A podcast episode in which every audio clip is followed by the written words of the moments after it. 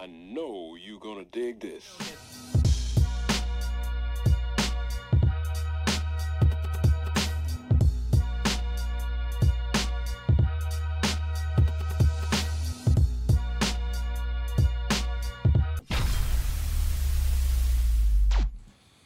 Tako da je... Cija stigla. Ćao. Ubiće me ovaj jedan naš drugar, kaže, ne, pomenješ be te, te neke dansere iz 90-ih, ono, nisam mogu da držem neke, neću da kažem ko je govorio Cija, stalno, Cija se tivrala. A mnogi, mnogi su brkali ma to da, i dan to nema danas. veze. Ovaj, momci, dobro veče. Dobro veče. Ako neko Jesse ne zna, legenda. mada ja kapiram da svi znaju, ali ajde, nešto su mi zamerali kao jebote, postavljaš pitanje ljudima, ono, pa znam, ali ne znaju svi. Pogotovo mlađe generacije ne znaju. Pa ne znaju realno. imena, ne znaju kako je nastalo ime koje, ok, neka misli go šta god hoće. Ovo ću da vam kažem, uh, subscribe-ujte se, uh, šerujte, sve to, sve je to potrebno i budite uz nas. Sija s nama, momci, jeste dobro? Jel nije Nismo, do nismo kao vi, ovde vam je top. Da, ovde je i, i Jako sam zadovoljan. klima i sve. Ovo. Odlično, super. Ja moram da kažem da je stiglo za, ja ne znam da li ćemo mi stići ovih 2-3 sata, koliko je pitanja stiglo, evo i preko YouTube-a i preko društvenih mreža i to Hvala sve. svima što je unapred. Hvala svima što nas niste zaboravili. To. Gde, da ne zaboravim, si lud. A, sad sam ja nešto razmišljao ovaj, o, o vama ljudima, maltene, ko vas prati sve zna. Pa sam ja nešto istripovao da je možda bolje da, da ovaj, krenemo... Ću da pričamo neke tajne koje niko ne zna. Dobro, ja o vama dosta znam, ali ovaj, možda da krenemo od pitanja gledalaca, malo da promenimo ritam, Može. tako? Marko, Puc- pucaj. sa moje leve strane, od srca. jako, ti je, jako ti je lako da najaviš. Marko, da, a ovde je, za razliku od njega je to i Marko. Da. Malo građanština iz istog mesta, svi se zovu. Da, da. Svaki drugi. Meni je već to bilo frka, baš smo ti i ja skoro pričali, ja kažem, jebate, ti nije on kao problem što je tebe zove, znaš, mali Marko, a njega veliki Marko. Šta, brate, tako nas svi zove. To je ceo život tako. Ja sam onaj što sedi pozadi kad se vozimo kolima. da, da, oni da ne mi smeta u Pa. televiziji. Ilić, Ivezić, sve to. Tako je. Ovaj, uh, da krenemo sa pitanjima mi odmah. Znači, E, samo da, ja se izvinjam, samo mog najvećeg fana, mog sina Taleta, da pozdravim, ćao sine, ljubite tata, ovaj, to, to mi je onako, da ne bude na kraju emisije, znam da će da čeka celu emisiju taj trenutak. Da ne zakonta. Bolje da Eto, čuje odmah. privatizacija u startu. Da ne zakonta, da? Da, da. Koliko ima godina, sad će deset. Dobro, jesi ga ti, vi si ga već me po...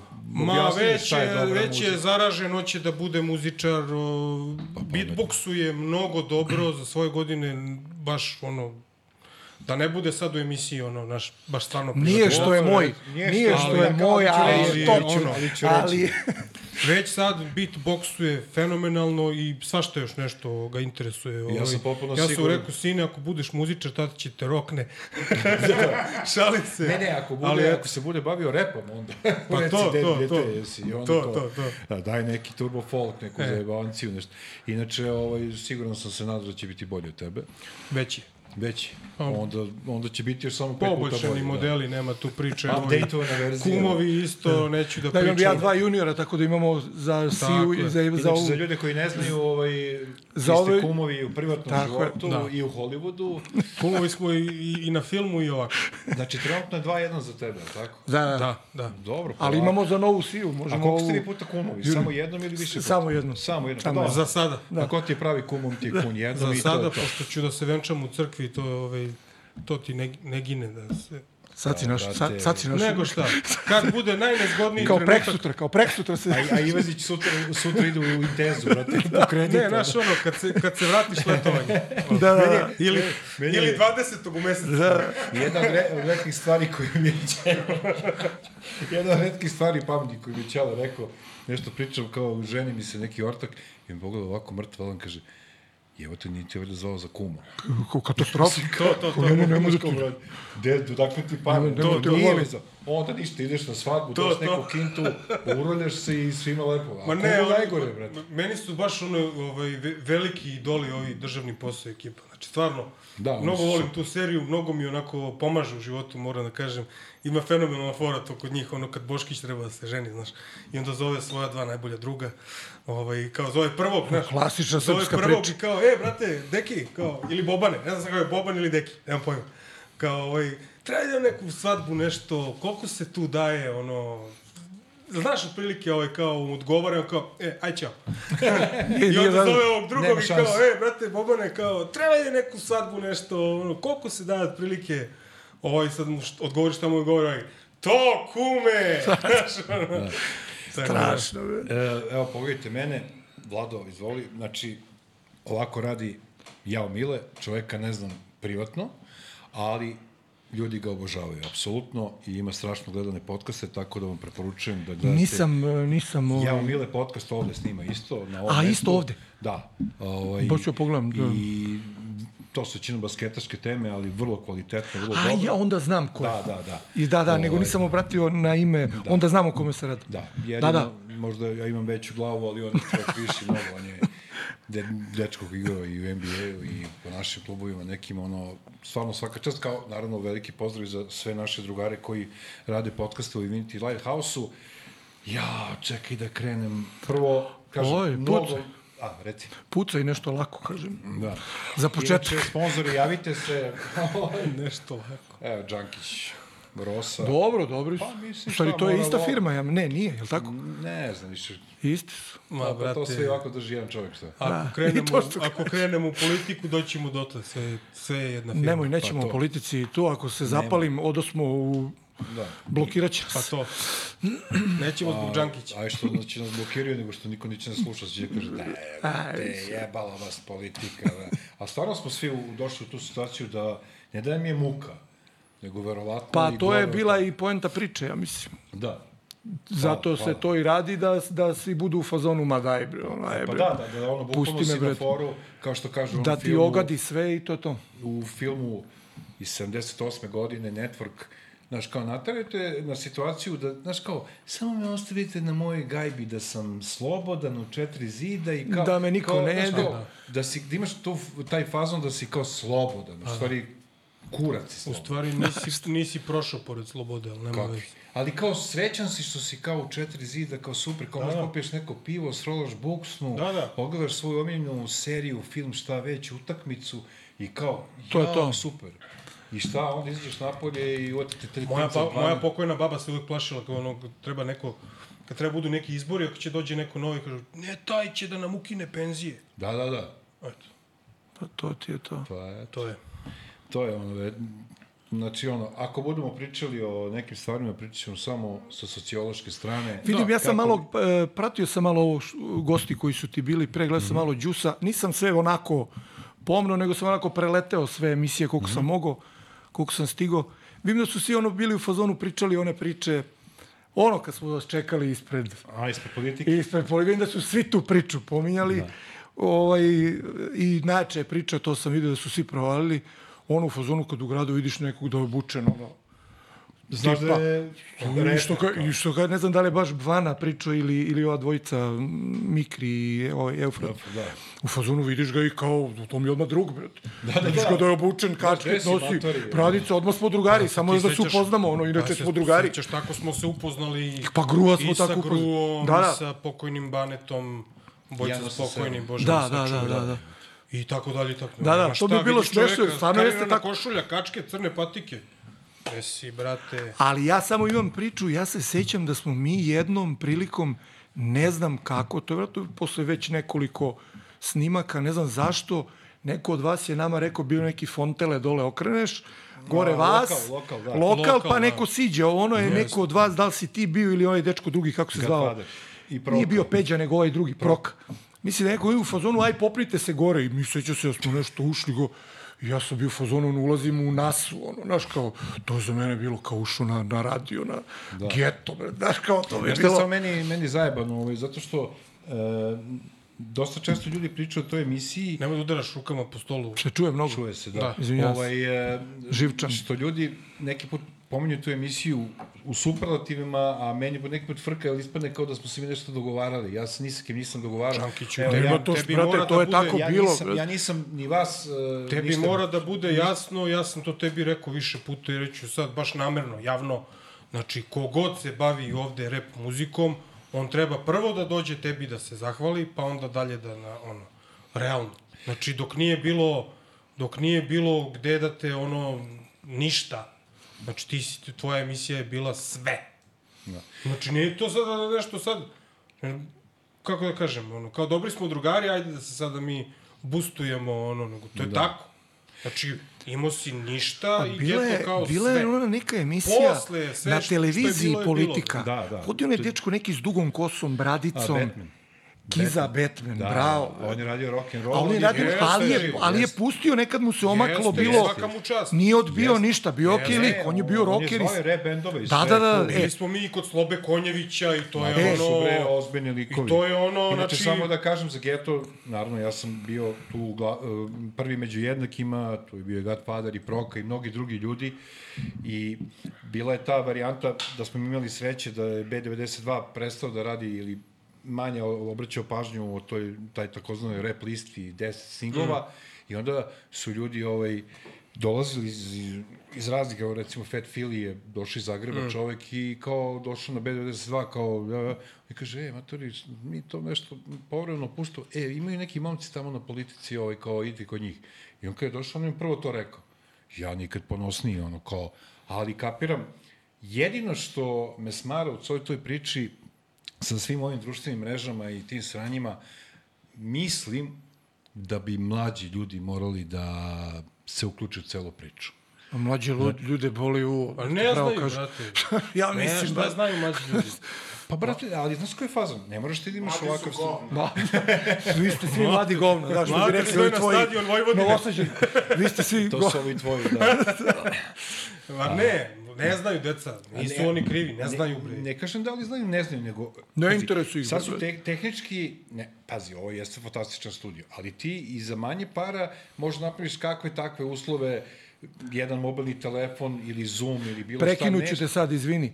Kakve, kakve bi oni sad mogli demo snimke da snimaju? Mi smo snimali ono na kaseto, ono, pričali ste i o tome, ono, kasetofon, rec i kao... Dva kasetofona tehnika. A zamisli sad klinci kakve mogu A da demo ne snimke pričamo kuće prave, ono, do, da budu do jaja. radio Da, sa magnetofonskim trakama, smaro se, pa, To ti se, pa se raspertla ona magnetofon traka, tamo se ubiješ, brate. God, šta ćeš? pa da, da. Sad ti vrti, vrti, ono, nemam pojma, pa se istopi, pa ovo, pa ono. Ali zato su bili, kad smo već kod toga, ja uvek, kada pomenem vas, uvek negde u toj nekoj jednoj re- rečenici, pomenem i Bebop. Pa naravno. Bebop, je- jednostavno, to je... A dobro, da, Srž. Ime i prezime. Da, ime to i je srž prezime. neke Pa priče. jeste, jeste, stvarno. Znači, I stvarno je bilo ono predivna ekipa tamo ljudi. mi se zahvaljujemo i ovim put, i, o, i ovom prilikom Krletu i celoj ekipi. to ja više njima nema, nema više, da, više da se Ljudi- zahvaljujem, stvarno je više ono... To je više od... Dobro, vi ste- u našem to slučaju, bi- pazi, pošto smo mi tad bili stvarno... Stvarno smo ušli jako mladi u celu priču. Ovaj, u našem slučaju je to bukvalno i više od više od studija, više od prijatelja, više od čovjek nas je bre odgajio bre ono znači bukvalno Da, smo krva. bili tamo ono na, na edukaciji u svakom mislim da smislu. sam mislim da sam I baš to to. prošli put ono kad smo bili ovaj mislim da sam baš i pomenuo taj tu anegdotu tipa krenuo sam u vojsku ja sam išao 99 u vojsku i ono tipa Da, Ćale mi daje 20 maraka, ja odem u studio da se pozdravim sa Krletom i Darkom, Darko mi daje 50 maraka. Žao, o čemu pričamo? Žao. Da. Ćale mi dao 20, Darko 50. ono, mislim, Darko, znaš. Krle? Darko, Riči, ta cela ekipa. E, ja znam, e, kad sam išao tamo ja da snimam ili kad e, smo ono radili Seda drama Foje mama, da to je bio Robin Hood ili Gr Gruo, šta je već bilo, uh -huh. oni su stvarno ozgledali kod decu. Mislim, u da, najpozitivnijem da, da. smislu. To Ne kao kažem, bre. klinici iz kraja, nego Ma deca. bre, odgajili nas ljudi, Da. da. bre, ono. Naučili nas životu. Tamo neću se da, jelo i Neću da pričam cirkalo koliko su nas naranili i napojili, a znači ono, specijalno Krle, svaka čast i Darku i svima ostalima i Ričiju i svi koji su tad bili u celoj priči. Mi smo se Krle iživljavali. pogotovo, Mi znači, smo se iživljavali. s jer to je bila njegova kuća, to, mi smo tu, znači, Da, ono, odrastali. ključu studija i ono, Čekaj, vi ste, to, to je bilo nešto tinejdžeri, brate, bukvalno. ono, Pa da, šklin. pa, 15, 15 godina, brate. Pa malo više. 16, dobro. Mi smo kod njega došli, ja mislim, 94. ili 5. Pa Koliko je- smo to imali? dobro, 16. Da, Znači, 16, 17. To je ono da. najgore realno vreme kad su bi, završeni ratovi. Pa mi smo ili uspeli- tu bili blizu kraja, Ma, pa onda krenuli odvrat, sankcije. odvratno vreme u svakom Da, slučaju. da, da. Krenulo, tad je malo ono popustilo, da kažem.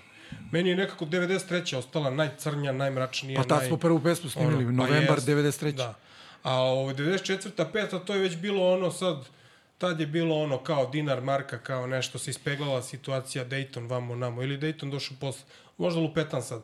Ali malo je ta 94. mm, kao ovaj, po, popustilo je, da tako kažem. U, u, Prve smo pesme napravili tad, seća, radili smo kod Dekija ovog u Cvićevoj.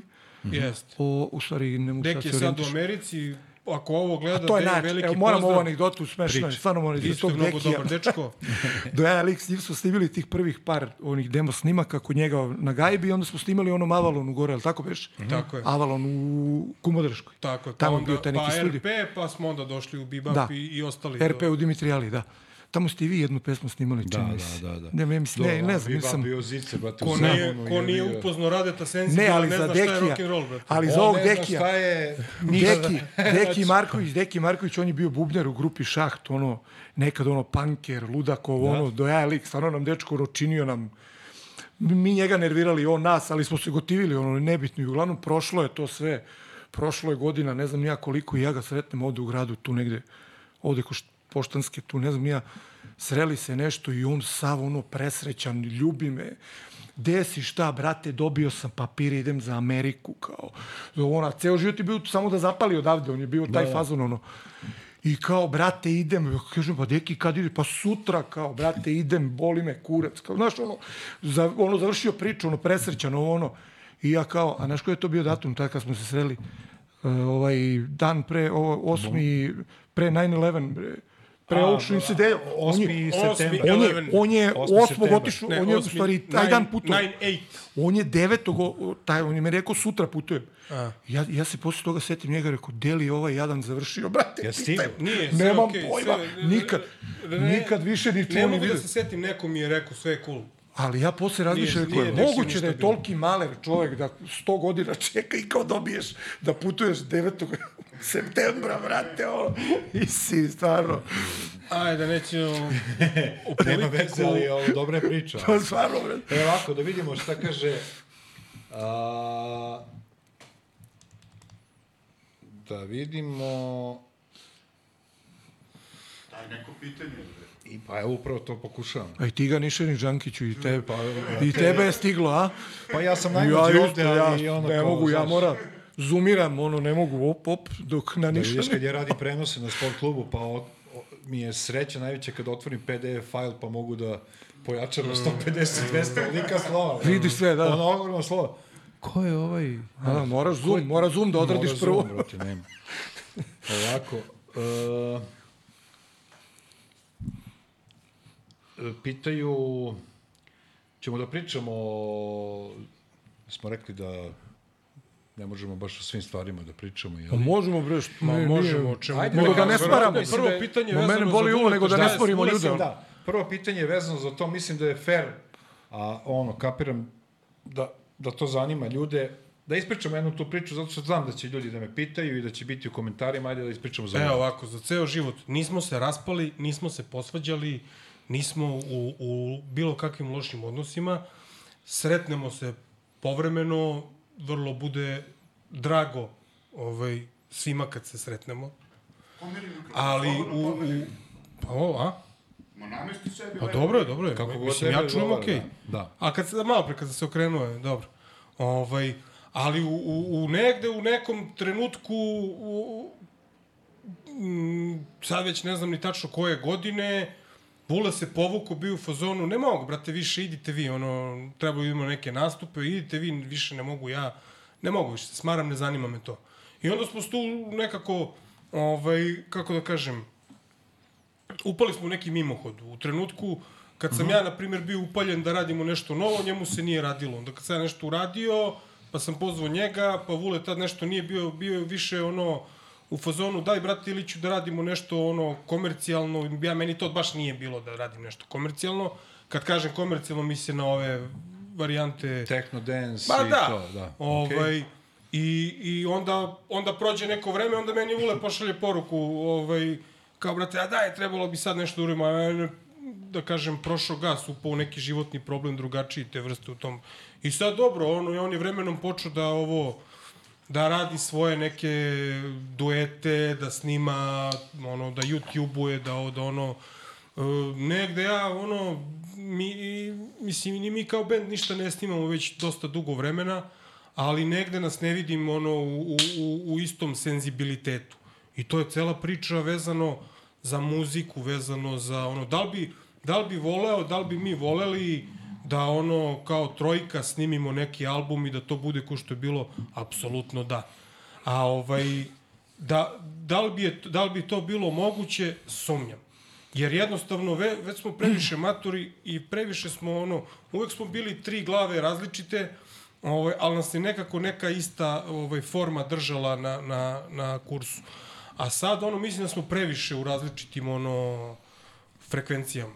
Ali to ništa nema veze sa drugarstvom, sa privatnom pričom, sa celom istorijom i tako dalje. Znači, mi smo odrasli, zajedno, baš bukvalno smo odrasli, Vule i ja smo konkretno bili čak i u odeljenju, on je bio odeljenje pored. školi, da. Da, znači ono, u, u klupi, ono, zajedno, znači, kako da kažem, bu, to su već više mnogo familijarni odnosi nego što su ovako prijateljski. Samim tim je otežano da budu poslovni. Eto, Da. To je ono, ako, ako nadam se da je dovoljno konkretan To odgovor. si i prošli put jednom lepo rekao. Ne može ti njega, ne može, ne može ni ti ja tebe, ni ti mene, ni ti njega, ni ti bilo koga kao, aj pali iz grupe, kao nisi, brate, mi smo da, zajedno pravili tu grupu. Ne, band, nema tu znači. kao šta sad kao ja njega, kao ne može više, šta? Nije niko od vas Pa da, došao, znaš, bilo tako, su prvo Da mi tako recimo pa krenemo, treći. krenu, To zajednička priča nešto da snimamo i sad, znaš, on mi kaže, brate, ja ne mislim da je to dobro, ja bi to, šta ja mogu kažem, Dašo je njegove čuvene, čuvene Da. njegovo, ono, nema Miki i ja Ivezić pičimo, Da. brate, Dašo čuvene. da. Znači, Tako da- da raskrstimo to jednom za svagda, nije bilo nikakve svađe, nikakve kakve svađe, nije svađe, bilo, brate, bre. vi ste dobri prijatelji. Ba, naravno, što ja ga manje srećem, no, tu smo, opet smo komšije, preselio se ja, Pa preselio to. se on, ali opet smo tu blizu, srećemo se, ono, vidi, zajebamo, daš, ono, dječku u nekom svom fazonu, ono sad vidim, skoro sam i video, nisam ni znao, on nešto na YouTube-u snima neki, istripao se na to, šljaka, to nemam pojma, da li ima neku lovu od toga, da, daj Bože da ima, ne znam. Ovaj, kako ti kažem, u drugom je fazonu, on je i neku pesmu nešto i snimio, nekih par pesama, nešto je radio, da. mislim, nije... Ali on je uvek, u stvari je poenta priče, što on uvek je hteo da ide, kako da kažem, on je hteo da, da se upgradeuje, uvek da prati, ono, da, znaš, da, Jest, jest. da bude ono, Trendovi, to. da Jest. bude u fazonu i da, znaš, da tu, da bude ono, naš. Jeste, ja mogu čak i da kažem i, i ono, i rekao sam i pre, ono, da ga ne hvalim ponovo večito, ta priča ovaj, zvuči onako otrcano, stvarno jeste tako. On je, dečko, među nama trojicom, ono, stvarno, Pa on je po one kvalitetu, i pravio, po talentu, i za muziku, i za vokale, ono, stvarno Da, nema top, tu šta, to je- Baš top, ono, uvek je, uvek je najbolji, ono, uvek je bila najbolja njegova strofa, ono, muziku je, i- šteta, mislim, ja iskreno ću ovo reći sada, ono, Vule da je doneo u životu odluku u nekim godinama kad smo mi ono radili demo snimke, da je, da je doneo odluku da ono, da postane pod navodnicima kompjuteraš, ako me razumeš, ono, to ako to tad u tom trenutku to nama bilo kao majak, razumeš, ali da je ono, da je otišao u tom pravcu, da ono, da je, na primjer, bio do dana danas beatmaker, on bi bio bogat čovek, ono, sigurno. Da. Da, Znaš, da, da se istripovao na to, da. možda i, I treba. sad, jebote. ono, koliko sam ga slušao, ovo novo što je nešto snimao, gostovo, on je malo i, i stil ono prilagodio to što Pa kaže moderno, to je Marko. sad ovo što klinci rade, Da. znaš, onda ide tom, znaš. Mi smo ti, brate, ostali u, baš u, istom fazonu. Ja sam konzerva, Baš ja ne mogu ovo, znaš. Pa da, ja ne mogu to da, ja, ja i sad kad bi radio, ja bi pravio ono neke, znaš. E, sad, s druge strane, ono... Ja sam konzerva, to je to. E, sad, s druge strane, ono, opet, ono, ne zvuči sve vreme da mi se mi kao nešto tu veličamo i međusobno samo diplomatski, ono, opet s druge strane, Vule je ekscentrik, to svi mogu da vide, mislim, ko, koji, koji se interesuju za njegov rad i on je, dečko, taj lik, razumeš, ono, znači, on voli, ja njega vidim, brate, ono, kapiram da će u jednom trenutku završi u nekom realitiju, nešto, mo- ono, tog tipa, i da će tek tu da se profura, ovo, ono, to, brate, moja šolja čaja nije. Da. Na primjer. Mislim, možda ja lupam sada, možda Vule nikad ne bi išao u reality, nego... A možda i ti kažem, nekad uđeš. Vidim ga, vidim ga kao takvog lika, ne kažem da je to Jeli, njegova a namera. možda, a možda i ti nekad uđeš, otko znaš. Pa, brate, pre, pre, pre, pregovarao sam par puta i ne, bio sam u fazonu... Ne mogu. dobro da pljusnu neku lovu, Ne, šta. ne, ne. A vi ste se super Zezam slagali, koliko ja kapiram, kad ste radili pesme. Znači, nije tu bilo, jeste tu bilo... Jesmo se super slagali, ali smo se i super napušavali, brate. Pa dobro, to je normalno. Znaš što je bila, bila dobra uh, priča, ja bar mislim, a možda, evo, ne, ne znam da smo nekad o tome i pričali. On je, uglavnom, tekstovi su uglavnom svi njegovi bili. Vule je bio zadužen uglavnom za muziku. Svi smo Ali tu nešto puno, čačkali. Ima, ima i puno pesama koje vule. Sam Jeste, napisao, ima i koje smo po pola. Ali ima- Ali većinu, zadnji album sam ceo ja napisao. Da, Na primjer. ovaj, ali, znaš, znači on je tekstuje, Vule se tu čačkao u muzike, e, onda kad dođe onaj deo, one varijante kad treba da se zovu ljudi, zovi, čuj se s ovim, pregovaraj, organizacija, prevo ono, to sam radio ja. I nekako u, u tom nekom kompletu, kad pogledaš, bili smo dobri. A ko je bio zadužen za zemunske devojčice?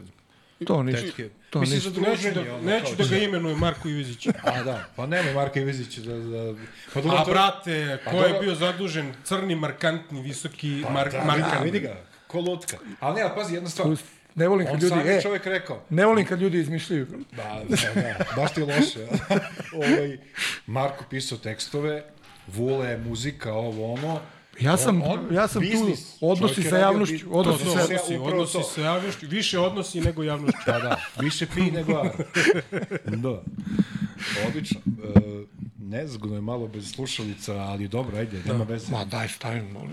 Stavi kako hoćeš. Marko neće, Marko je... A ne, stavio si. Stavio Dobro, sam, ja sam ti rekao, ja, ja dobro. sam bio tonac pola života, pa me smaraju slušalice. Ne, a zašto se desilo? Ali opet mi drago da, da bolje zvučimo. Kad je bio Vana, onda smo se zezali, ovaj, mi pričali kao u kafani, ono, što mnogi ljudi nisu shvatili, ali nema veze. Ovaj, pa nisu shvatili naše međusobno podjebavanje. Ovaj, I Vana priča sa mnom i ovako priča. I tako, Džanki, ovaj, ne, ne čuje se ništa. pa to. Ali, je, daš, posle smo osvajali slušalice, sve je bilo super, tako da, ovaj, to smo skinuli sa dnevnog reda, Idemo dalje. ne, ne idemo dalje, nećemo da pričamo više o tome, svakom želimo svako No, ako dobro. ima neko potpitanje, može i na Ne, tu ne, ne, Ne, naravno. Mi nemamo šta da, da ovaj, nema tu šta da se izbegava, nema tu šta da se krije. Jednostavno, E, ima jedno pitanje, e,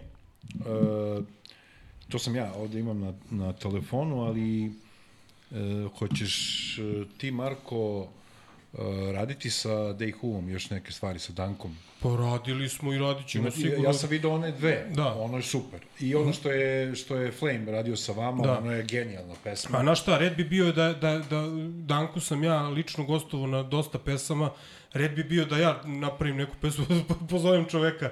Ovaj, Jel on- da jel on uopšte tu? Nego ja sam, ja stvarno sam onako zadnjih par godina baš bio loš sa vremenom, stice nekih raznoraznih okolnosti, tako da nažalost, eto, ovaj, kako da kažem, mnogo više bi i, i mi snimali možda i, i sa raznoraznim ovako ljudima kvalitetnim da ne, da ne navodim prisutne itd.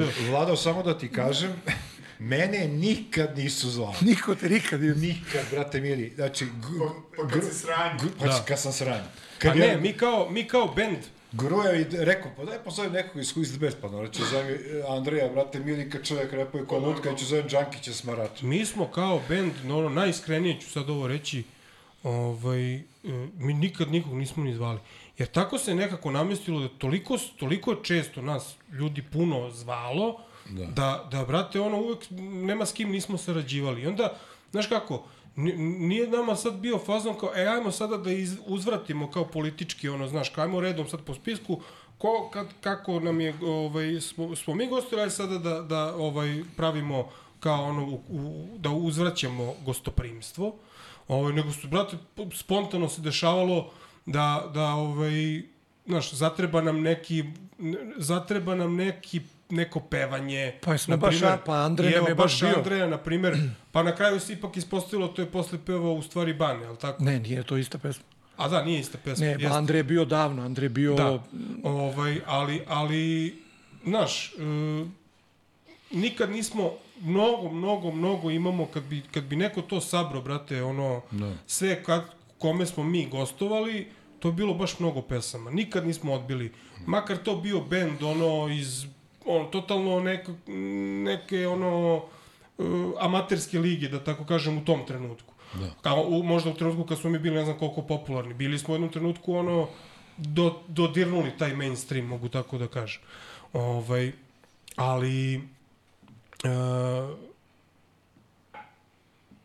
gostovanja, da, to sam teo, puno smo, puno ljudi je gostovalo, pu- puno ljudi smo mi gostovali i ima mnogo tih, uh, mnogo je veliki broj tih pesama i onda sam posle toga hteo da kažem da... Dža, da zovemo Đankića na pesmu. Manje Ne, vina, ne, manje ne, ne, ne, ne, ne. Ne, Ne, to, ne, ne, ne. toliko ludnije. Ne, ne, ne, ne, setit ću se, setit ću se Marko sam krenuo. Otišao ajde previše, previše. Ajde vi, setit ću se umeđu vremenu. Pre op, opširan. Iveziću, jel on stalno uliko priča, brate? Ne znam šta mu je. Dobar momak, ali ono... Od, ne, ali znam zašto. Ja sam skapirao. Vas je bilo trojica u bendu. Svi ste imali... Uh, svi ste bili tvrdoglavi, svi ste bili talentovani i sad ste talentovani i kapiram, kad imaš, kad ima, kad imaš dvojicu u bendu ili kad si solo artista, onda ti verovatno treba dosta gostiju, nemaš popuniš album od 15-16 pesama, ono sat vremena materijala, sam repuješ. Ok, to super ako možeš, super. Ali vas trojica plus imali ste uvek uh, matrice koje su u principu neka mešavina hip-hopa, rock'n'rolla, znači to je sve svirano, bilo je. to su sve živi basevi, žive klavijature. Bilo je, bilo A i malo je bila komunistička vladavina u grupi, mislim kako da kažem. Ono u fazonu, tri strofe, svi isto, znaš, i sad svaki četvrti ili peti, zamisli kao zovemo vas da nam gostujete. Da. A je bilo ono između I vas sad kao, kao- a ovo ima dve reči Pesma više. traje 11 minuta. da, da, mislim. Nije bilo to koliko ima ko reči više, ali bilo je kao, a ti si opet dobio najbolju strofu. Da, da, da. Da, da, bilo je i je tih, bilo. je i tih svađa čak u studiju, kao što uvek ja prvu strofu, kao, znaš. A Ili što, si ti uvek a što ja zadnju, kao, a što ja zadnju, kao, znaš. A znaš, a znaš što je fora u stvari? Što on kad krene da piše, on, ono kad ga pukne, ono, on prvu strofa do jaja, druga do jaja i onda tu stane. E, onda tu uleće eventualno vule, ja kao malo nešto prepravim, ispravim ono. I uglavnom ta treća strofa bude ono. A dobro, bude nije uvek, dobra. nije Nije, uvek. uvek, ne, ne. Nije uvek. Nije uvek, ali uvek je prva, ono, prvu izbaciš ono sve. Eto, ovaj, nešto sam teo stalno, setit ću se da dodam... Seti Šta se, zato, ono, šta ti je? Pa, To da, Blokada. to ako zaboraviš, to je ono, blam za mene, za tebe kao gosta nije. Ma Da nije, nego možeš žao, da mi, žao mi je što je i, i zanimljiv detalj, nego prošao mi Pa kroz setit glavu. ću setit se, ću ne, sigurno. Znaš što meni je bilo, bilo gotivno kod vas? Vi ste imali, pre nego što nastavimo sa pitanjima i sa društvenih mreža i ovde sa YouTube-a, vi ste uvek imali tu neku harizmu, Nismo bili debili, realno gledano. Kad smo bili klinci, stvarno smo bili kao tri debila. Ja verujem da su nas tako i gledali, da god se pojavimo. A majke mi, ti Da, seća, Čovjek čekaj, te kompletira, ti useravaš. da li se se... A dobro, on dečko fin, neće da uvredi. Pa, Kad se ti sećaš onog... bre- čoveč. Čekaj koncert u domu omladine, treba da iđemo. A pazi, Ivezića, on dečko mene neće da uredi, ja njega hoću. Ma ne, pa ni, nisam, pa šta ste uvredi? pa, On čekaj, čovjek kulturan. Pa se ti sećaš koncertu, pa ja mislim da si baš ti bio, koncert je neki bio, ja mislim u domu omladine, brate. Dobro. Neki Neka pre- nova godina, možda tako nešto. Mogu, ne mogu da, ne. I treba da izađemo, a mi ono, iz- ono, i ono iz teretane, nap, ono, i treba da izađemo na binu, oni udarili šamare jedan drugom, Vule i on, šama, to puca sve, treba da izađemo na binu, ovaj, ovaj njemu, ovaj njemu, i kao ono da se, pa kao da se, A ono, kao da se hajpuju, a? ovaj udaramo neka vrata, tamo udaramo svi kao da se napalimo i da izađemo. A kao, bilo je raznih budalaština, ono, u, u raznim nekim trenucima, ali Ja tripujem da su oni, nije oni to su, sad, to sad malo ti A van- zajebam van se ja. konteksta, brate. Ja A kapiram zezam da vas dvojica znači zajedno se vratite gajde. ma zezam se, Krenulo. ma zezam se ja, nego Dobro, ja, bili ste klinci, jebi ga, Pa to, sad? u tom kontekstu ja i govorim što ste vi bili svi malo stariji od nas i vi, Robin Hood i Sunshine, ono, i mi se sad tu pojavili. Oj, ja verujem da ste vi da ste svi gotivili, a ste svi bili u fazonu, joj, klinci, brate, ovo, šta je, brate, ono, znaš, bili smo da- malo, samo klinci, to je to, ništa Da drugo. nekada krajnje lepoškasti i pametni, a sada oronuli voditelj eh, podcasta kaže, znači vi ste uvek imali, ne, ne, vraćam, ovaj, eh, uvek ste imali tu harizmu, barem za mene. Znam da su vas ljudi tripovali to lično znam, e, i ovako, a, kao klinci iz Zemuna, Munze, Konza, Pucači. ono, da, pucači, prangijaši, nemojte, ono. Međutim, ja sam iz razgovora s vama i ono kad smo par, dosta puta i cirkali, i blejali, i kad ste bili gosti na radiju i kad smo blejali u Bibapu, ta, to su bile naj, baš vrhunske blejačine, sve to. Ja sam provalio kod vas neku mm, drugačiju stranu od te po meni potpuno idiotskog predumišljaja da ste vi kao sad kao mu, iz Zemuna, pa kao sad drugo, šta to znači sad ono kao ceo grad je lud bio 90-ih, šta to sad znači ovo ono. I meni ste vi bili... Predrasude, klasične. Da, harizmatični, razumiješ, ja, ja se sećam uh, uh, CS Back, ono kad vas trojica izlazite u slow motionu, ono je do jaja.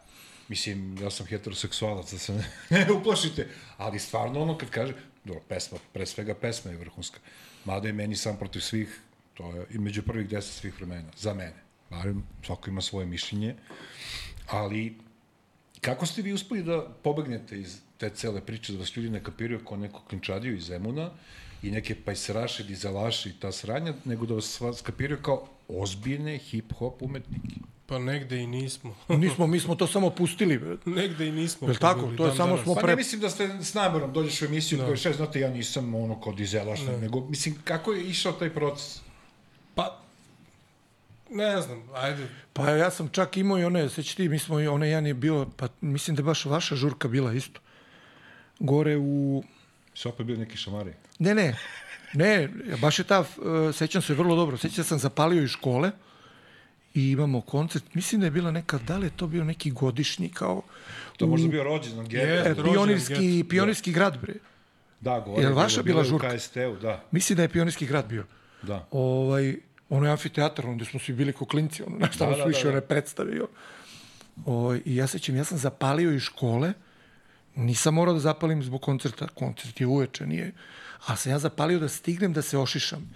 I odem ošišam se na onu, onu, mi smo, mi smo to zvali debilka, to je ona najgora, ona šabanija od frizure, ona, ja se Šta sećam, ono, kada ostaviš gore, a sa ne, strane... ne, sve ćelavo, samo pozadi, ono, griva. Aha, aha, ono E. je kružić kao malo. Ja sećam, ja sećam, ja došao gajbi kao na, na ogledalo, Ćale ušao u kupatilu i kao, pa ti vidiš kao da ti je ovaj zaboravio, kao tom pozadi, da ti, ti kao idi vrati se, kao, Ćale, žurio sam na bus, ono. kao vrati se, kao ti skine to pozadi. Kaj kažem, Ćale, to tako treba, bre. znaš, to je kao namerno za inat, jer su počeli danas ono, Aha, prozivaju kao oni di- dizelaši, puca, znaš, te, te Da, neke da, da. priče, majke. Ja odem namerno se ošišam na tu frizuru i idemo na koncert, kao, razumije, ko čoban, dođem najgori, ono, znaš. Da, eto, to je to. I Ćale Kevi kao dete nam se Pa drogirao. deo gotovo. šta, Gotovo. Znači, nije bilo neke, niste imali te A neki, je- mi moramo da se dokazujemo, nego ste bili na foru, mi ćemo da pravimo naše sranja i ko nas shvati, shvati. to Prvo, je to. prvo to je bilo sve, znači te najgore godine, prvo to je bio folklor. Mislim, Okej. ti, nisi, ti nisi u suštini negde ni mogao... e, Bile su dve krajnosti. Tad, tad, u to vreme baš su bile dve krajnosti. Imao si kao dizelaši i padavičare. To je bila glavna neka kao podela. Ono. Nisi imao neku sredinu. A mi smo stvari po, po, po, po našem ličnom ubeđenju, ubeđenju bili sredina. I onda su jako često dizelaši su za nas govorili da smo padavičari, mene uvate u srednjoj školi da me smaraju likovi, znaš, kao, brate, šta tebi znači, bre, ta karirana košulja, taj kačket, bre, šta ti to nosiš? Znaš, pita me lik sa metalnim kajšem, ono. Široki Razumeš? pantalone i Da. to. A onda isto tako, ovaj, isto tako tamo neka ekipa koja sluša neki rock and roll, heavy metal, ono, za njih smo ono kao u istom košu kao i ovi neki bendovi koji, mislim, ajde, da im ne navodim imena, ceo život nas pogrešno vezuju za, za njih.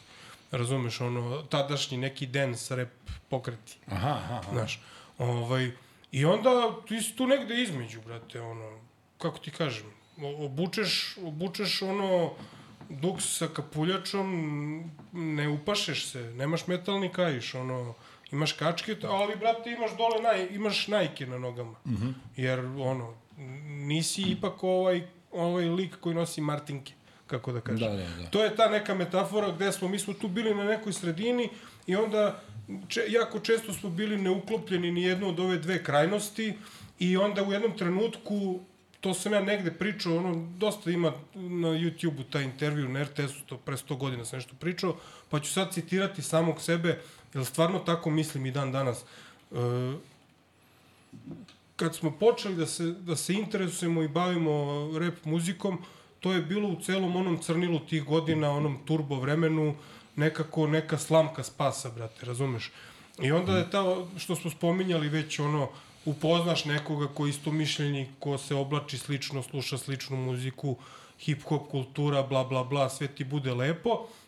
I onda odjednom počne se dešava taj fenomen da likovi koji nemaju veze s tom pričom, ovi što sa metalnim kaiševima spomenutim, razumeš, sad počinju da odjednom prošao rep nekako na, na velika vrata, sad počinju da me cimaju likovi, taj št, isti što me pitao, razumeš šta ti znači taj kačkiti majica, u srednjoj školi lupam, dolazi ono kao, jel, možeš ti meni, brate, snimiš ono Luniz, znaš, ono. I nekako tad u tom trenutku nastao kod nas neki ono otpor prema tome, šta sad svi slušaju nekako rap muziku, gde ste do sad, ovo ono, i onda ta, što kaže Marko, to pogrešno šišanje i sve ostalo. Marko, je bilo zajebano u to vreme ovo što, što, što Ilić priča, baš biti u toj sredini, znači ni tamo ni vama, ono, neki limbo, ono što kažu, ni na, ne, ni na nebu, ni na zemlji. To je bilo, Znam da nije bilo para, to znamo, da. Pa, to je bio najveći problem. Generalno je bilo bilo vreme zato ja sad mm, ovaj i kažem kad mi neko priča o 90. kao ovo ono bilo do jaja, bilo šta je bre bilo do jaja bre. Šta je, znaš, ja to ne mogu da. Kao muzika, koja je bre muzika bila 90-ih, ono, meni to sve katastrofa, mislim, pričam za našu muziku, ono, znaš, Tako da je generalno vreme bilo zajebano za život. A mi smo tu nešto plivali. U stvari nas je ova, ja dalje mislim, majke mi, ovaj, da nas je ta muzika stvarno onako izvukla iz... eh, Da, umetnost Sa ulice. spada. Pa ono, da, da se čisto, ko zna gde bi, šta bi, blejali bi negde. Smo stvarno nenormalno vremena provodili u studiju. Da, da. Bio bi negde. Ma, Kod kući ne bi bio ulice. sigurno, razumeš? Kod kuće ne bi bio garant, ono.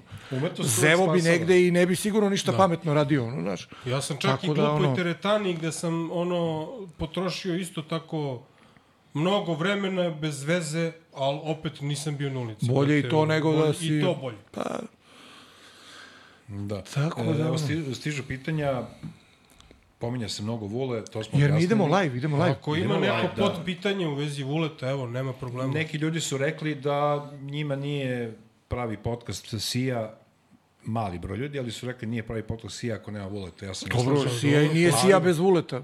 Pa, I mi se slažemo. mislim, ja sam rekao da su gosti Marko i Marko. Ovaj, ukoliko ljudi budu tražili vuleta, pozvaćemo i vuleta jednom prilikom.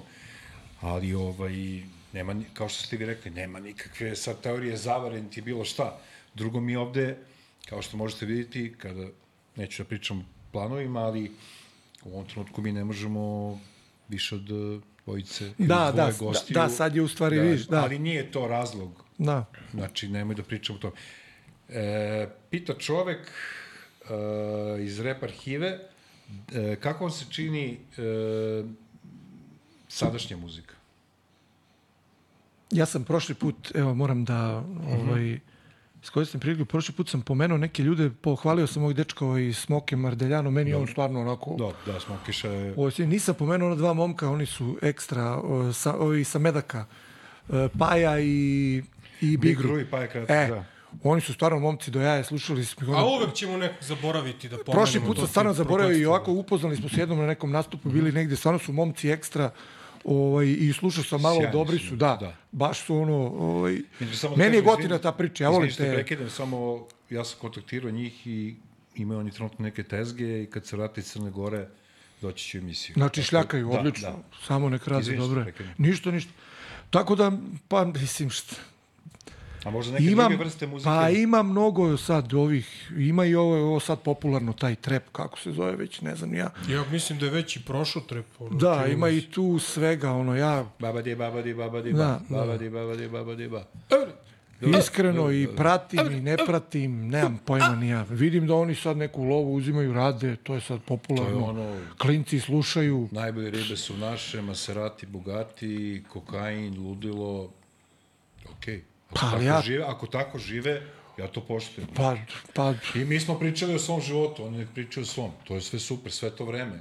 E sad, Pa, ne da verujem baš da ne, pa, baš ne verujem da tako žive, Ako, ako se u, ubacim u ovo pitanje, otiću u ajde, politiku, reci. neću, brate. Ono, Reci, brate, šta? rasprdeću se. Pa ti si Pa gost. ne, mislim, kako ti kažem, sve je ono, sve je, ovo novo, mislim, ja sad ne pričam o, Marko je sad pričao o, konkretno o rap, rap drugarima, ne, ali što se tiče generalno nove muzike i nove ono multimedije, sve je, brate, nekako previše ono instant, sve je previše zvučim kao, kao mnogi matorci, šta da radim. Pa, brate, sve je brzo, sve je, sve je ono, kratka, kratka pažnja, samim, tik, samim tim vek trajanja kratak, ne, ne vidim, ne vidim nikakvu nit, ne vidim nikakvu, ja sam lično ono, pored ovoga sa rap muzikom i to mnogo vremena proveo na radiju, znači u, u svakom smislu, otac mi je muzičar, dan danas se bavim zvukom, znači muzika mi je ono glavna preokupacija u životu. Ja ne znam, ja lično ja nisam čuo bar deceniju ništa novo dobro. samo da se, da, da se ubacim tu što si Samo rekao. u hip Go, hopu ne, ne, ne, ne, ne, e, baš ne, to ne, sam ne. hteo da kažem. Uopšte. Uopšte. E, dobro. generalno, to sam baš hteo da Uopšte. kažem. Generalno mislim da je to. Ja sam stvarno pobornik Uopšte, one, da. one priče da su sve dobre pesme već napravljene. Da, da. Razumem. I da, evo njegov Ćale, čovjek, sad je pomenuo čovjek muzičar, ceo život svira. Ovaj, ja verujem, ja nisam bio skoro na nekom tako nekom veselju, ali tu ti ceo život ja slušam iste pesme. Pa ne, lupam Nema tu sad, mnogo- ono, znaš, Depeche Mode, Nema- lupam sad, novi, novi single, okej je to, ali gotivi mi, baš. A to onda kad imaš milion hitova, šta god Ne posle toga znam, sve nekako- to. No. Ne znam. Znaš šta, e, ja sam uvek za, za te nove ono, varijante, međutim, e, e, nekako su ti pravci, što je u početku bilo super, kao što su društvene mreže u početku bile super, ovaj, pa se pretvorile u ne znam da se izražavam, ali tako i te, ti mešavine, sećaš se ono kad su se mešali rock and hip hop bendovi, punk, ovi, oni, to mi je bilo zanimljivo, lepo mi je bilo. Sad je nekako, čini mi se, od tog nekog ukusnog sataraša nastalo ne znam šta. Da, Nešto. se sećaš ti tih saradnji, brate. Ja zamisli, sećaš ti, na primjer, onaj soundtrack za film, onaj Judgment, Judgment Night. na primjer. o, tipa Buja Tribe i, Kako ne? A, i o, razumeš, Helmet i koje sto saradnje i kakve sto pesme, brate. A gde su Run DMC Znaš, Aerosmith? a koje imaš sad saradnje? Sad su saradnje, mislim, znaš, Da. meni bar, ne znam. Ne znam sad ono kao... I sad i neki poznati reperi pozovu Justina Biebera i gostuju pesme. Onda ja kažem, druže, super je to. Znam da ćeš imati milijardu, bukvalno milijardu pre, pre, pregleda, ali kako onda ti u sledećoj pesmi ubeđuješ ljude da si ti kao real i ovo ono, a zoveš Justina Biebera koji je možda vjerojatno gotiva lik, ono, klinac koji Da. da. probio se tu, ali on ne da ne radi to, nego ne radi ništa ni blizu te muzike. Pa ne znam. Ne znam, možda je nas pregazilo vreme, ne, ne mogu da budem Ja mislim siguran. da smo se mi samo promašili Ali- do jaja i to je to. ali da smo ja mi sve generalno- omašili što smo mogli da omašimo, mi smo omašili. Ma brate. I dobro, to to, je to. to, to, je priča za sebe, nego evo, Prosto ovo- i jednostavno. vezano za, za, za novu muziku, ne, po meni je nema. Još je, još je najbolje, najbolje i ima u, u ovoj domaćoj rap sceni. Tu se još nešto i dešava. Da. Zato što to nije moja neka priča, nema veze. Ali ovako, u- uopšte, muzika, i, ono, internacionalno govoreći, ne znam, stvarno. Nekad su i na pesmi Eurovizije bile gotivne pesme, sad ono ne znam se Ma, ko je grđa to- jebate. Imate pozdrav iz Kragujevca, Pozdrav za Kragujevac. Nero, Hvala, naš drugar, pozdrav. pozdrav za Kragujevac, uvek je lepo otići u Kragujevac i u Šumadiju, bilo. Šumadiju obožavam, Keva mi je iz Šumadije, pa možda nisam baš ono objektivno u toj varijanti. Genetski si ovaj, Da, predodređen da, da, da, da gotovo, gotiviš. Da, pa, no, na sreću nisam na ćale. Šta kaže ovde, neki basket si igrao u Pinokiju, a? Uj, a, Krajem, u, to je, da. kad je to bilo? Je? Da, da, Da. Je bio izmišljen basket? Tad sam čak i ja igrao basket u Pinoku. Jeste, išli smo. Posle Bio dobar basket. Ma ne, nego sam operisan bio od lopte uvek, ali eto, tad sam ja malo... Tad je i on čak išao. Da, trudio se. Toliko je bilo dobro Mm, zvezde. Jeste, Da. stvarno, bilo dobro. Tamo i u. Savatiću dole kod na Posle, Keju. uvek nešto čovjek saznaje. I s kim stigli bas? Protiv koga tačnije? Pa to je ono, ovaj, ovamo u Pinokiju ne, u Pinokiju je bila dnevna varijanta, Mhm. a ovamo dole na Keju kod Murije, ovaj, tereni i reflektori celu noć. I tu dođeš, tu, bilo je oko bombardovanja tu negdje, ja mislim najviše. To je Zemun, je tako? Da, da, dole na Keju, kod policijske stanice Zemun. Moga rekao možda nije, ovaj, Da, da. niste prelazili na O, ovu kod stranu. Venecije, ako znaš da je kafana Venecija, tu odmah pored je je škola. Da, u Zemunu, da. O, I uh, reflektori su tu, ja mislim da i dan danas su, ali tu ti je ona varijanta, dođeš na basket uveče i ako izgubiš ideš kući, pošto ima 40 ekipa, ono, fazom če, čekaju. Tako da, ono, ako pukneš, slobodan si. Pa, možeš kući, vat. Dok dođeš na red, padne mrak. A najče što idemo i vraćamo se peške kući, a mi smo u gornji grad, imamo malo da šipčimo, onako. Da. Jesi ti, Marko, nešto smorio, nisi? Nešto razmišljaš? Ne, A dobar si, okej. Smišlja Ne, tekst. ne, ne, ne, ne, nego Ne može to povezujem. Ne može se seti, pokušaj i dalje mozak, ono, tek... Ma jo, što sam odustao. nego, nego to što priča Marko za basket. Pinokio. Da, to je... Uz, bre, Pinokio nije na istom mestu gde je ovo što pričaš je u školi, brate, u Savatiću. A, Savatić a je do- Pinokio je baš kod Pinokija. tako je kod pozorišta, gde je bilo pozorište. Tamo nisu bili reflektori. Ne, ne, pitanje- tamo je dnevna varijanta. varijanta, To, to. Imate i pitanje uh, zašto bolje vreme nikad nije došlo, očigledno se misli naravno na vašu pesmu Bolje vreme. Pa pesma i kaže čekam bolje vreme. Pa u pesmi Ja kaže se ono... misle da će čekati ne, ne dočekati. Evo ja čekam, ja čekam i dalje. Pa da, ti si mlad. U pesmi ima ono iz, iz Alan, u stvari nije to iz Alan Forda, to je iz, iz ovo... Max Magnus. Ma, Max Magnusa, ono, Da. bilo nam je bolje kad nam je bilo gore. Da. Tako da, eto. Pa strašno, jebi pa da. self-explanatory. Pa nema, ja Ako kažem, kaniš pobjediti, ne smiješ izgubiti. Da. Da. Da. To su te. Nama prva, naša prva pesma koju smo snimili ko klinci 93. godine zove se Godine raspleta.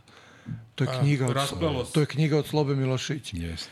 I ti, ja, mlađe slušatelje. Mislim, pesma je ono, mislim, ajde, klin, klin, imali smo 15 godina, klinački tekst, klin, a najtužnije od svega ti pustiš na tu pesmu i tu, I kao kad je ovo neko demo I snimak, tu od cela pesma ti važi i sad, i važi ti i dalje isto sve. Strašno. Neću da gledam socijaliste, glupe, neću da dozvolim i me- i mene da kupe, da kupe, pa prodaju ko narod svoj. I zato I propast njihova uspeh je I zato moj. propast njihova, uspeh je moj, da. A inače... I dalje socijalisti, iz- i dalje sve iz isto. tog razloga, mene su ljudi danas pitali, pita ih, ma, e, majke ti, ovaj, da li će možda da urade neke remikse nekih pesama i da li će da snimaju nove pesme, jer to izgleda aktuelno Vidi. stalno. Ako zemlji. popijem još jedno ovo, ja snimam dva albuma večeras. Nažalost, upravo u skladu je sa ovom, temu, sa ovom temom, Ja snimam, vidi. kakvo je vreme, znači dovoljno re, remaster samo i to je to. Pa to. Znaš kako to izgleda, Đankiću?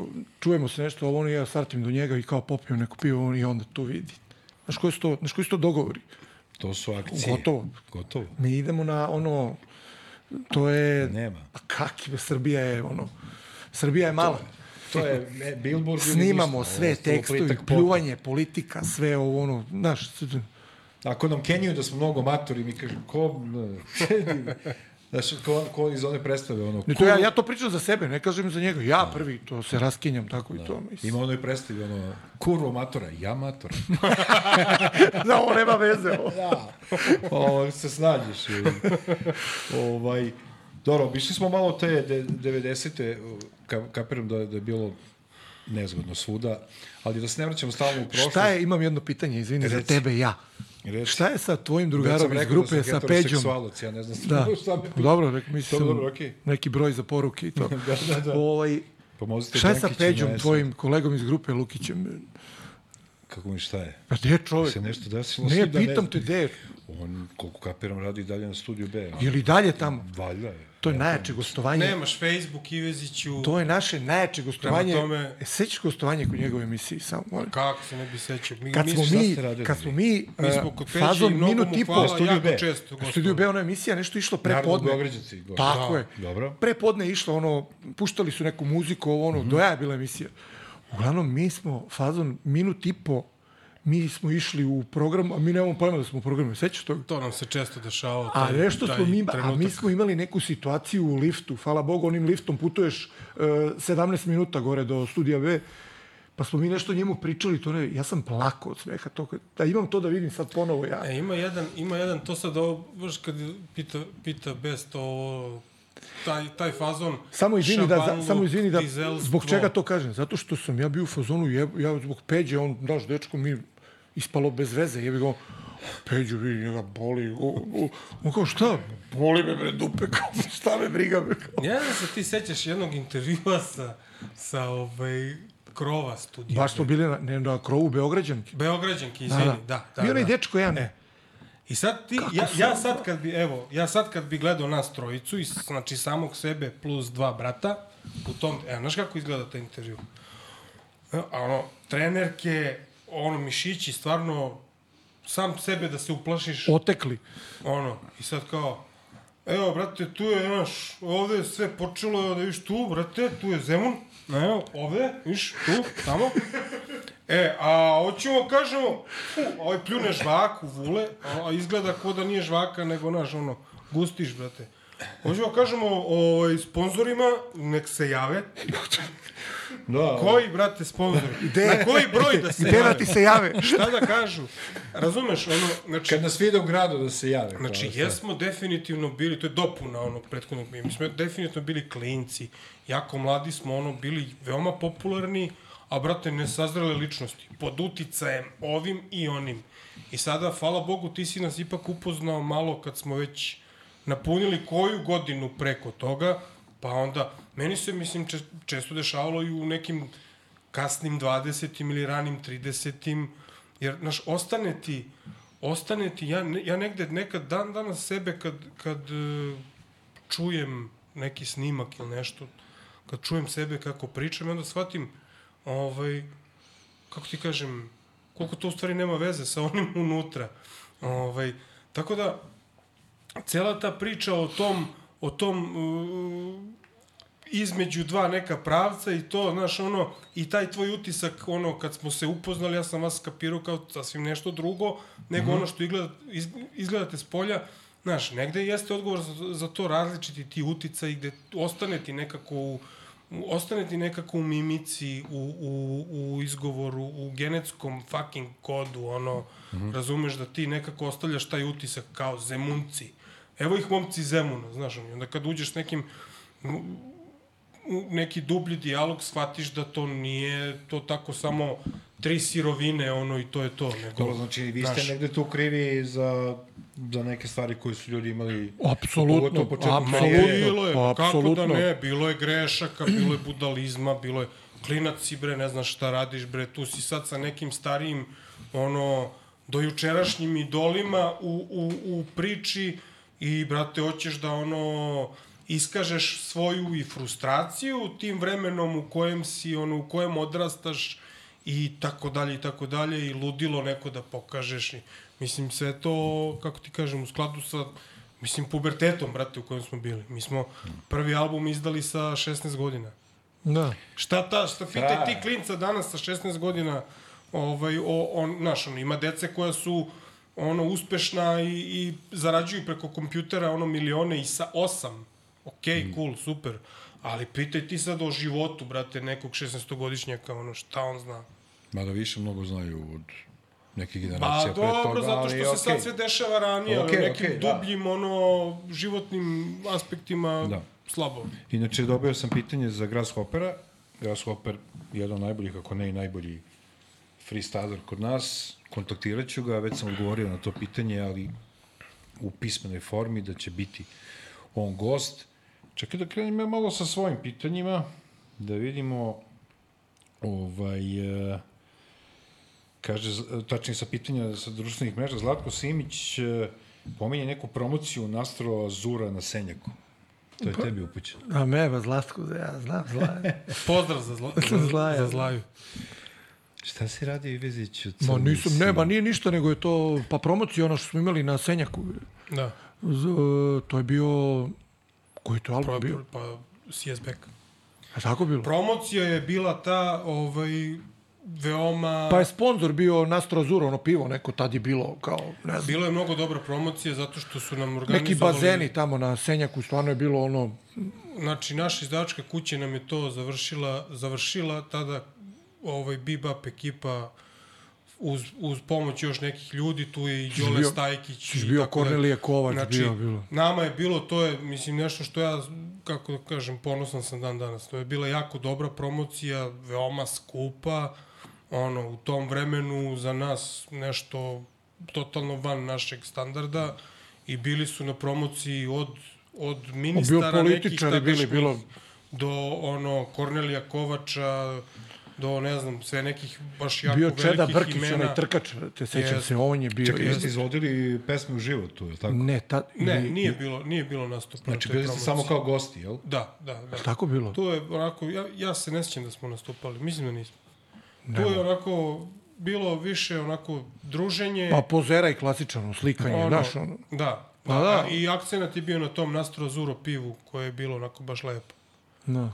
Da, inače, da kad pomenemo vaše albume, imate na YouTube-u, čovjek se zove, mislim da je naš čovjek, ali ime mu je John Smith, imate CS Back, uh, ceo taj album odličnog audio kvaliteta i ima ono poređeno da možeš da klikneš na, na, na time kod svake pesme ako nećeš, da preslušaš neke, tako da čovjek se zove John Smith, tako da imate taj album, ja sam ga danas slušao i... Znaš, ja sam, na primjer, evo skapirao skoro da ja ne znam, ja nemam, ja nemam nijedan CD, ovaj, naš, ovaj, Nemaš, a? ne. Imam možda, u kolima možda imam ovaj poslednji, ili ne znam, i to mi je jedan kolega skoro dao, ovaj, kao evo, ja mu se požalio da nemam i on kao, evo ti, brate, da imaš kao ono, da, nemam nijedan, maj, nemam nijedan života mi. Pa ne, dešavalo se mnogo Majke puta, znaš, dođe ti neko, pokušavaš da sačuvaš nešto da imaš sutra za uspomenu. I onda ti dođe neki mnogo dobar prijatelj, kao, e, meni nisi dao. Znaš, Da. Je ono Istina. Se popije malo i ovo, ono, evo, vatori, šta, ono, da. Pa ne znam šta sam radio, stvarno nemam su- i stvarno ono truba, ono, Mada kad smo već kod toga, ono što smo spomenuli malo pre, vi ste uspali zbog toga što jeste vi imali taj stav i sve to, ali ste vi ipak backupovali tu celu priču. Nije to bila prazna priča, mi smo ovo, mi smo ono, mi smo ono. pa zato smo se mi, Pa da izvineš, i kurčili. da, da, zato što smo znali da Nismo pevali o Dom Perignon i Ferrarijima, jebi ga, ono, nismo vozili i pili i to. Zato je i bilo kurčenje, smo mi bili Da. u fazonu... Što je, ja, što sam, je? ja lično sam bio u fazonu, sad neću namerno da obučem ni karijanu košulju, neću ni široke pantalone, ni one nebitno patike koje neću namerno. Što ja, što ja moram da se oblačim ko reper da bi bio reper? Neću. To je iznutra. Tako je, ja, ja, ja znam šta ja gotivim da slušam, šta slušam od, od kad sam se rodio, je otprilike ono, da. ovoj koju muziku i sad ja moram da da ovaj da ne znam šta da obučem Riders jaknu da bi bio reper neću Ali prilično jeste ono, šta je bilo u pesama i u pesmama je imalo pozadinu, mislim, redko kad redko kad je neka bila neka satira u, u fazonu, pa onda da, da sad ono... Dobro, ali hoću da kažem, to što ste pričali, vi ste stali iza toga. Jesmo, jesmo. Znači, ko će da vas sluša i da vas voli, da, Da. vas je voleo i skakao i uživao, ko je teo da vas hejtove i da Kenja da, da. dobio je ono što mu sledi. Nema prevare, to je to, što vidiš pa to, je. znači da, neka. Da, znači da. ono, nije ono, ja sam, ja, ja sam gangsta na ploči, ja sam ovo, Ne, ja sam ne, ono, ne, ne. a ovamo tamo nešto.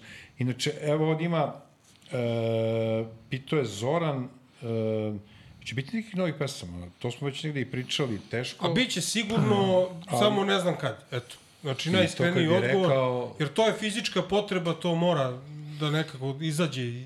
Da, to kad, koliko čovjek mora da, da između da Mora, evo ja evo ja imam ja imam pitanje evo sad vas dvojicu da pitam Pa je to Trojicu, evo. mnogo ozbiljno. ovaj A obuku se u ne crno... možete nismo mi obuku došli ovde se zajebavamo ljudi došli smo da radimo Obuku je crnu majicu s kragnom, pa ga je po, povukao, Da, da, znaš. PR je. Da. Odnosi se a o čemu pisati sad na primjer Pa da, nema tema u našoj zemlji, to je pa ne ali pa dobro ekonomski tigar, ono. Pa dobro, ja jedino to mogu.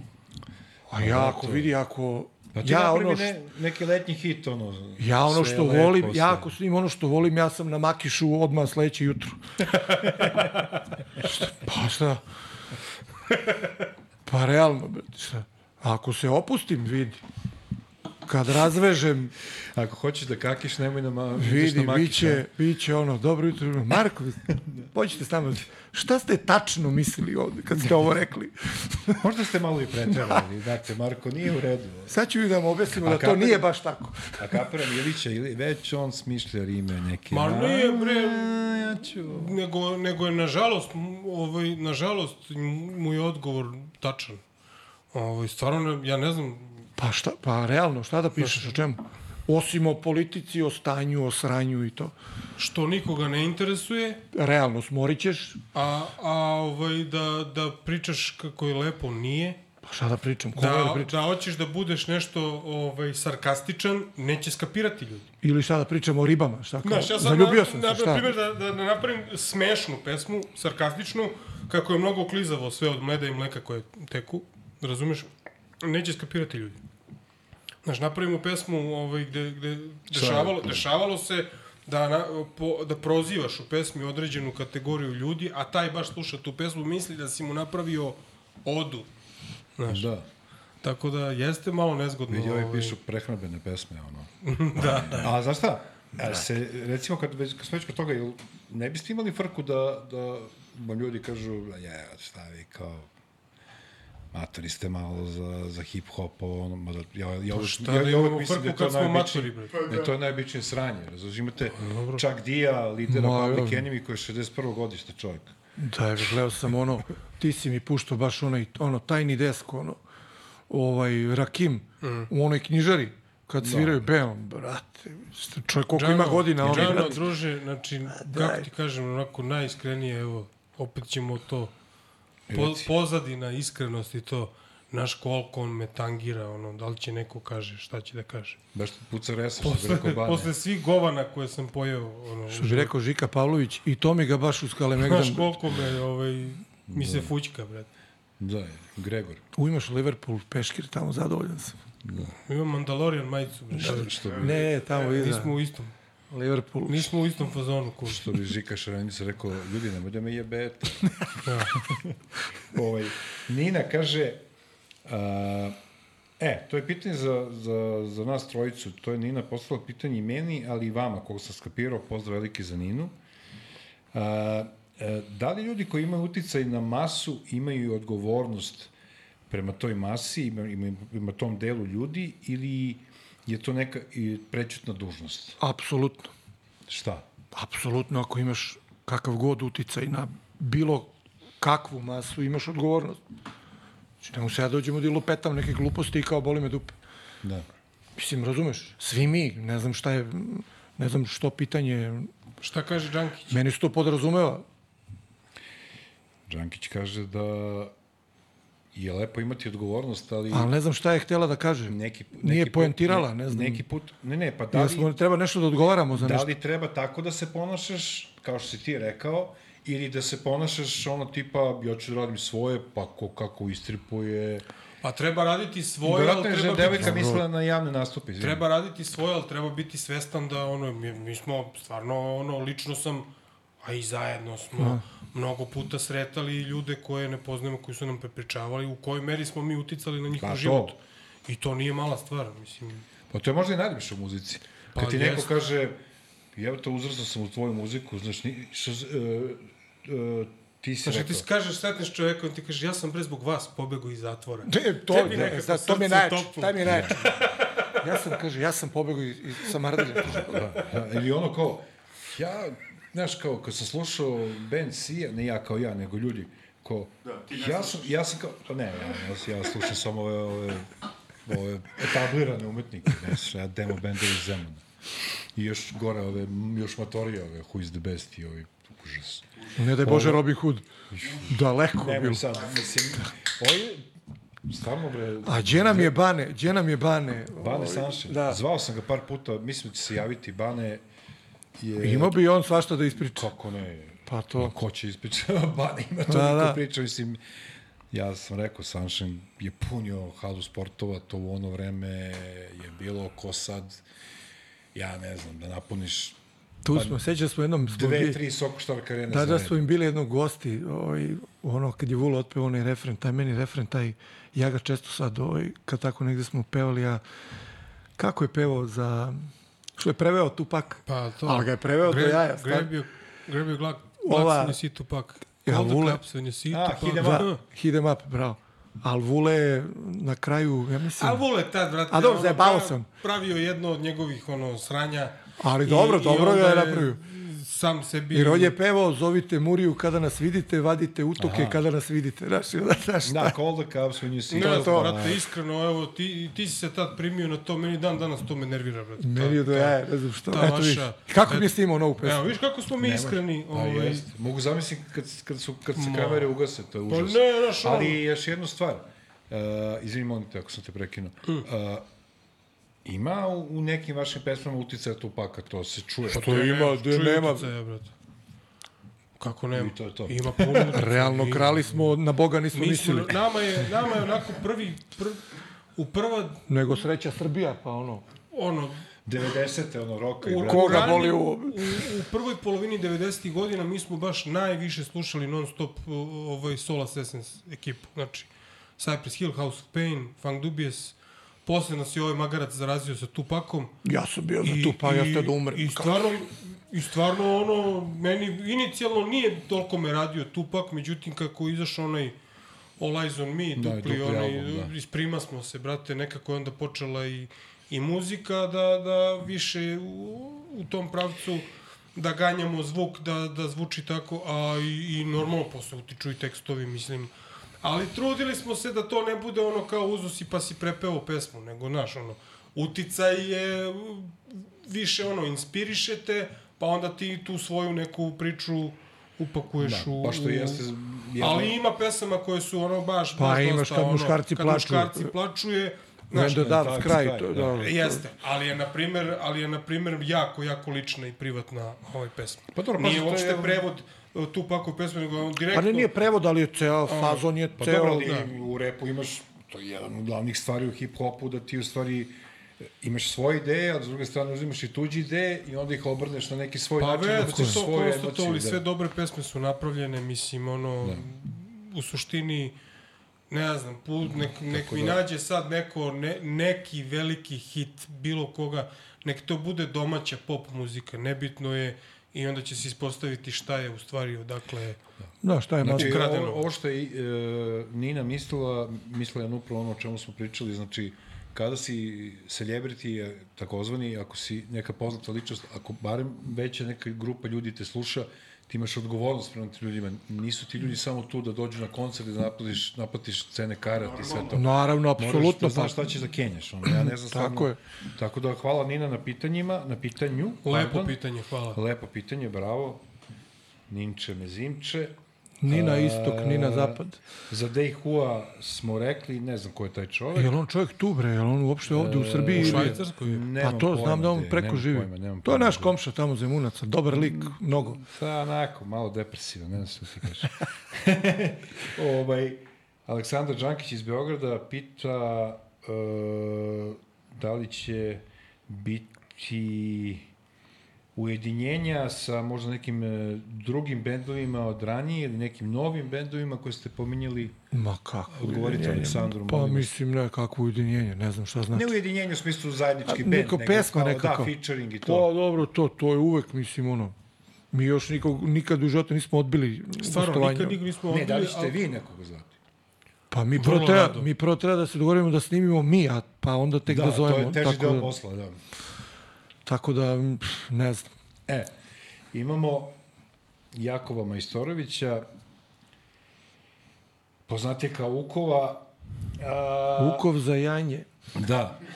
Ovaj, ti si dosta vremena proveo izučavajući borilačke veštine, ali tako? To ti je bila neka pasija, pre bi Jest. rekao pasija nego hobi. Ma da, da, da. Jesi dalje u toj priči? Pa nažalost, već više godina nisam, ovaj, imao sam neku, čak nešto malo krenuo da se vraćam polako u, u salu pre jedno malo, malo manje od godinu dana i baš mi je prijelo i onda mi se desi nekakva glupa povreda, tako da sad sam trenutno nisam ni u mogućnosti ovaj, tehnički, ali kad mi izvade gvožđe iz noge negde pred krajem godine, verovatno ću se vratiti u salu jer mi jako fali. Fali. Uh, imamo dalje. Uh, ko je radio spot za pesmu Sam protiv svih? Kako je Mm, nastala Marko ta Sopić. pesma i koliko je trajalo snimanje? Marko Sopić je Režija. režiser, on je dečko sad vrlo onako uspešan u tom svom poslu. Tad je bio... Da, tad je, tad je završavao, tad, Tad, je bio... tad je bio još pred krajem. Tad je bio pred ono diplomski, taj neki fazon, to čini mi se. etabliran. Da. Da, da. Kamera, Dušan, Marković jel tako? ili Kovačević. Ne mogu da se setim prezimena, neki izvini. Dečko Dušan, iz Kragujevca, Dušan opasan lik. Da, Kovačević. ne znam, Tad stvarno je isto nema. i on bio ovaj, u, u, u, u finalu školovanja. Pesma naša nastala na moj 18. rođendan 96. godine, 16. oktobar. Tad smo je napravili, ti si napisao tekst. Do sada ne znam da li Nisam je... ja. Vule napisao, na, uradio muziku, ja vodio, ja ovaj, častio kobaje, ove ćevape kod baje i to je to. Do sada ne znam iskreno da li da se pohvalimo, možda grešim, ali ne znam da li do sada još rađen ovde kod nas u bilo kom muzičkom pravcu. Pa možda sad već jeste. Uh, pa nije, dužo, sad su ti filteri, sad je softver napredovao da imaš tu Da, simulaciju tako izgleda. dobru. Ali ne znam da li do dana današnjeg rađen spot filmskom kamerom i filmskim trakama, ono, Što se vidi na samom spotu. da, da. A, Jer su jako Da, moram, i- trake. a sećaš anegdotice, ovaj, baš za to. Onda smo snimali taj spot i onda jedno ono tematsko veče u Bibapu, naravno, subota veče. Darko zadaje temu i naravno sedeli smo tamo do ko zna koliko i krene rasprava. I, oba, tako je, I onda se obavezno sedeli smo koliko smo imali I onda se i onda se studio podeli bukvalno ovako po sedenju, kao sad kad bi se podelili sad nas dvojica smo za nešto, a vas dvojica se obavezno protiv tog nečega i to je onda vidi. To, to su problemi. Mora da postoji tema za polemiku. Tu se I, zapeni. I onda kreće priča ko je snimio spot filmskom kamerom i neko je rekao da je spot za Tap Ta- 011. pesma Gaće, Ne, okreni broj 95. nebitno, neki spot u tapnu, ne znam da je, Neki da hit, da. Darko, ne mrzi ga. Pa četiri ujutru fazu. Devet, Da- informacije. 988. Tad je bilo Do reči. 988. E, možete li mi da kažete, da li je spot od pes, za pesmu Tapnu ne, sniman filmskom kamerom? Da, Ova žena, e, možete li neko ozbiljne pitanje da mi? Ma samo je bilo, ne dajemo takve Da, informacije. da, ne dajmo da... Ponekad više ne znam ko sam, uputim sebe kako zovem 988. Bukvalno. E, e, baš tako. Da. Ovaj, A Rokvić je voleo kad popije da uzme telefon, telefon, da, da, više da. nego leba da jede. Ali znaš šta, ovaj, e, ono što su još ljudi pitali, ja to sam teo ja da pitam, ali nema veze, ljudi su me ovaj, preduhitrali. Meni je, eto, ili tim ljudima, ali meni je nekako s, e, sam protiv svih e, mm, lična karta. Pa naša himna, pa vaše himna. neke priče. Ema tu šta. Ne zato što je meni vaša omljena pesma i rekao sam među deset svih vremena, ovaj, ali to je sija jebi ga. To je to, ja sam jeste. taj, ja sam taj, jebite se svi, ja držim do sebe i ja sam sam protiv svih. Meni je to sija, otko znam. Pa evo mi sad tako imamo neke ove, radili smo neke te humanitarne, zovu nas pa odemo, otpevamo. Ovaj, I onda tako se čujemo i ja kao, koliko pesama pevamo, znaš šta mi on kaže? Obe. to, to znači bolje vreme i sam protiv svih, to je to. Onda, Koliko, koliko, koliko, sa koliko albuma nastupate? Sa sva tri. to ti je to. Ja ga sad pitam šta radimo? Pa obe. da. Šta, šta, šta me A pitaš? koji ćemo prvo? Prvo ćemo... Zapravo imamo pet albuma, imamo više od ti je 100 to. pesama sigurno ono, u karijeri. Kažem ti sa tim gostovanjima, ko zna. Da, ali obično, Ali nema obično šta. kad ljudi pričaju o vama, To je uh, to. kaže se tri albuma benda da. Sija i svi kukaju, uključujući i mene, što nije bio taj četvrti, pa i peti, i nadam se će do toga doći. Pa u stvari bio je Zvoni četvrti. kucanje ne radi. Pa bio je i Onaj pet. prvi, onaj prvi, a i peti je ovaj Nego je tvoj. fora u tome što ljudi, e, ljudi naš drugi album svi doživljavaju kao prvi, a za prvi album malo ko ljudi zna da je uopšte objavljen, e, a, a prvi album su sve pesme koje su najviše se vrtele na getu, još dok je bio Dem, zahvaljujući. to je u principu polu demo. To je objava demo snimaka Da, da, da. više. Mi smo to u Jugodisku izdali, to nas je pokojni Gru odveo tamo. Ovaj, Je zašto to na ploči? Nije. Nije, Nijedan- nažalost, nijedan nažalost nemamo na ploči. Znam da je bilo na ploči. Da, Nijedan nemamo na Tad ploči. je izašao na ploči, tad Da, je to je izašao baš- na ploči Sunshine, ovaj, ono, Žaklina traži sponzori to. Oni su bili u Jugodisku, to je bilo na ploči. Zato i pitam, da. Mislim da čak ni Gruov album nije bio na Za ploči. mene je ploča najjači nosač zvuka naj, Nije, da, da, večniji i najbolji mi zvuk ima. Dan, danas nijedan uređaj ne daje basove kao što daje. Ona ima neki, ne, nema te, ona nema druge neke stvari, ali ima neku nešto, Ali neku mast ima. toplinu, Mast da. ima, što kažu ljudi, To ko kuća, da brate, ne zvuči. kažemo muda. Ko je radio instrumental za bolje vreme? Po, Bolje vreme. evo ja Vole. mogu, i za to imam anegdotu, U instrumental Vule i Krle ideja ja. B- bukvalno smo došli ujutru, sećam se u studio i ja idem na šljaku popodne, ono, i prepodne smo nešto krenuli da kuckamo, nešto se zajebamo, neku levu pesmu i ja odlazim iz studija. Idem na šljaku, stižem na šljaku i oni me zovu, slušaj kao, ja, ja dok sam otišao do, do šljake, oni su skroz drugo, on napisao tekst, ono, totalno sve ono, druga priča. Sve tebi iza leđa. Sve meni na kvarnu. I imali smo stvarno... Nisam zadovoljan Stvarno uopšte. smo imali tu, tu energetsku razmenu ne- nenormalno kvalitetnu. Ne, znam kako drugačije se- da a ga ja- kažem. Inspiracija, ono, nadogradnja, interakcija, ono, baš... Nije zato što ste vi tu, ali iskreno, ja sam to rekao i na početku emisije, tačnije podcasta, čuje se to u pesma. Ko je hteo da čuje, čuje. Da, da. Mislim, čuje tu hemiju. Nešto je puklo, bilo Ne i tako. postoji ništa lepše nego kad se ljudi međusobno na, na, na dog, ono, nadopune. E, to si potpuno pravo, znaš zašto? Zato što e, ljudi, e, kapiram da ste vas trojica bili i tvrdoglavi, da ste mislili da svako najbolje zna sve to. Ali u celoj toj jebenoj priči, uvek, e, pošto ti je stalo do benda, a ovo su ti ortaci, uvek e, e, ispliva najbolja ideja.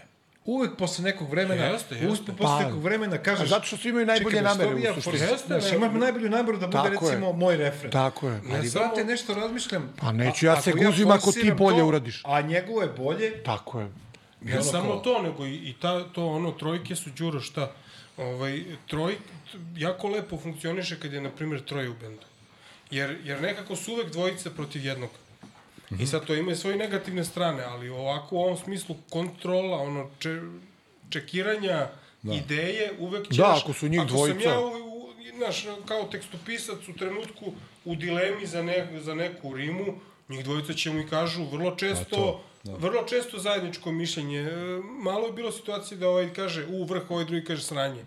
Ili obojici o, o, vrh ili sranje.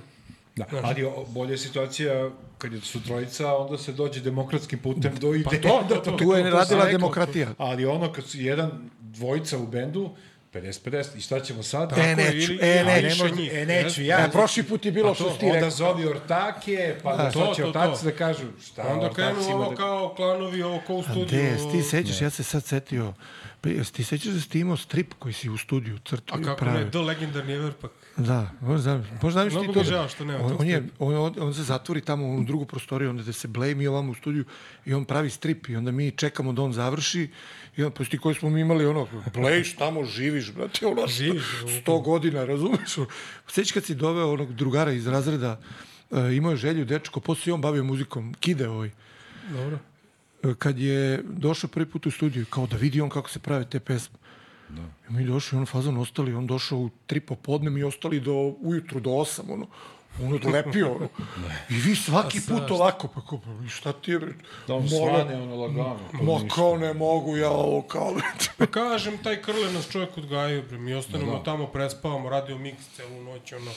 Razumeš, zaspi on, popadao mi, mi se, ja otvaram oči, on čovjek da ono, domaće kiflice, njegova majka napred. Znaš, mislim, to nema cenu, bre, to ne može se prepriča. Ne može, to, To- to, to, je, to je neka, mislim, jeste neko drugo vreme, ali to, to je neka ljubav, to je neka Ma, bre. energija koja...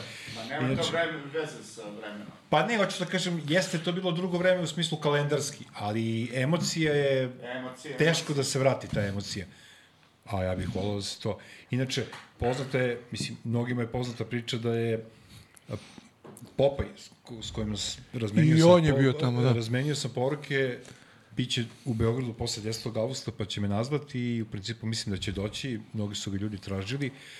On je bao čovjek došao u Bebop sa tipa, ako se ne varam, nekim tekstovima koje je pisao na kutiji za keks ili tako da, je, nešto. bre. I ovi su ga isto bre ljudi primili bre kor svog rođenog. Ja kapiram da je Bebop učestvovao u prvi, je ce, tek. ceo prvi album je Bebop u stvari. U, tako? u ovim, u ovim Jačim pesmama ili Naj- tačnije, da. Da, start, ono, kako se zove ova... Otmiča, bože, Michelle Pfeiffer, jo, kako se zove pesma, bre? Otmičar. kako se? Michelle Ne, Pfeiffer. nego zaboravim se kako se zove zvanično pesma, bre. Karantin. Šta? Ne karantin, Ne. nego Otmica Michelle ne, Pfeiffer. Karantin je komuna. Ubica. Ne, Otmica Michelle. Otmičar Otmičar je- e, Otmičar, tako se zove pesma. I bila je ona oficijalno. devojka, naša koleginica Dejana, koja radi sad većinu reklama sa svojim E, vokalom. Dejan- Dejana Dejana isto- ona je to učestvovala u pesmi. Ne u toj, možda, ali na tom albumu. Kad smo već malo pre spomenuli Peđu i veliki pozdrav za Dejanu, kao iz, u, baš onako u tom periodu kada je bilo jako teško doći do, do nekih ozbiljnijih medija, ovaj, kod Peđe smo jako često gostovali kod Dejane, S- e, Jelena, ne mogu se setim prezimena, isto na studiju. Znači, prilično je ono smo se bavili Mislim da je gerila, Buha. moguće. Gerila marketingom tim, ovaj, i baš hvala mnogo svim tim Dejana ljudima. Milović, mislim, Buha ili tako nešto. Da, da. De, da. Čekaj, a pomenuo si ovo, gde su bre, ja sam Coleta sreo relativno. Ritam Attack. Da.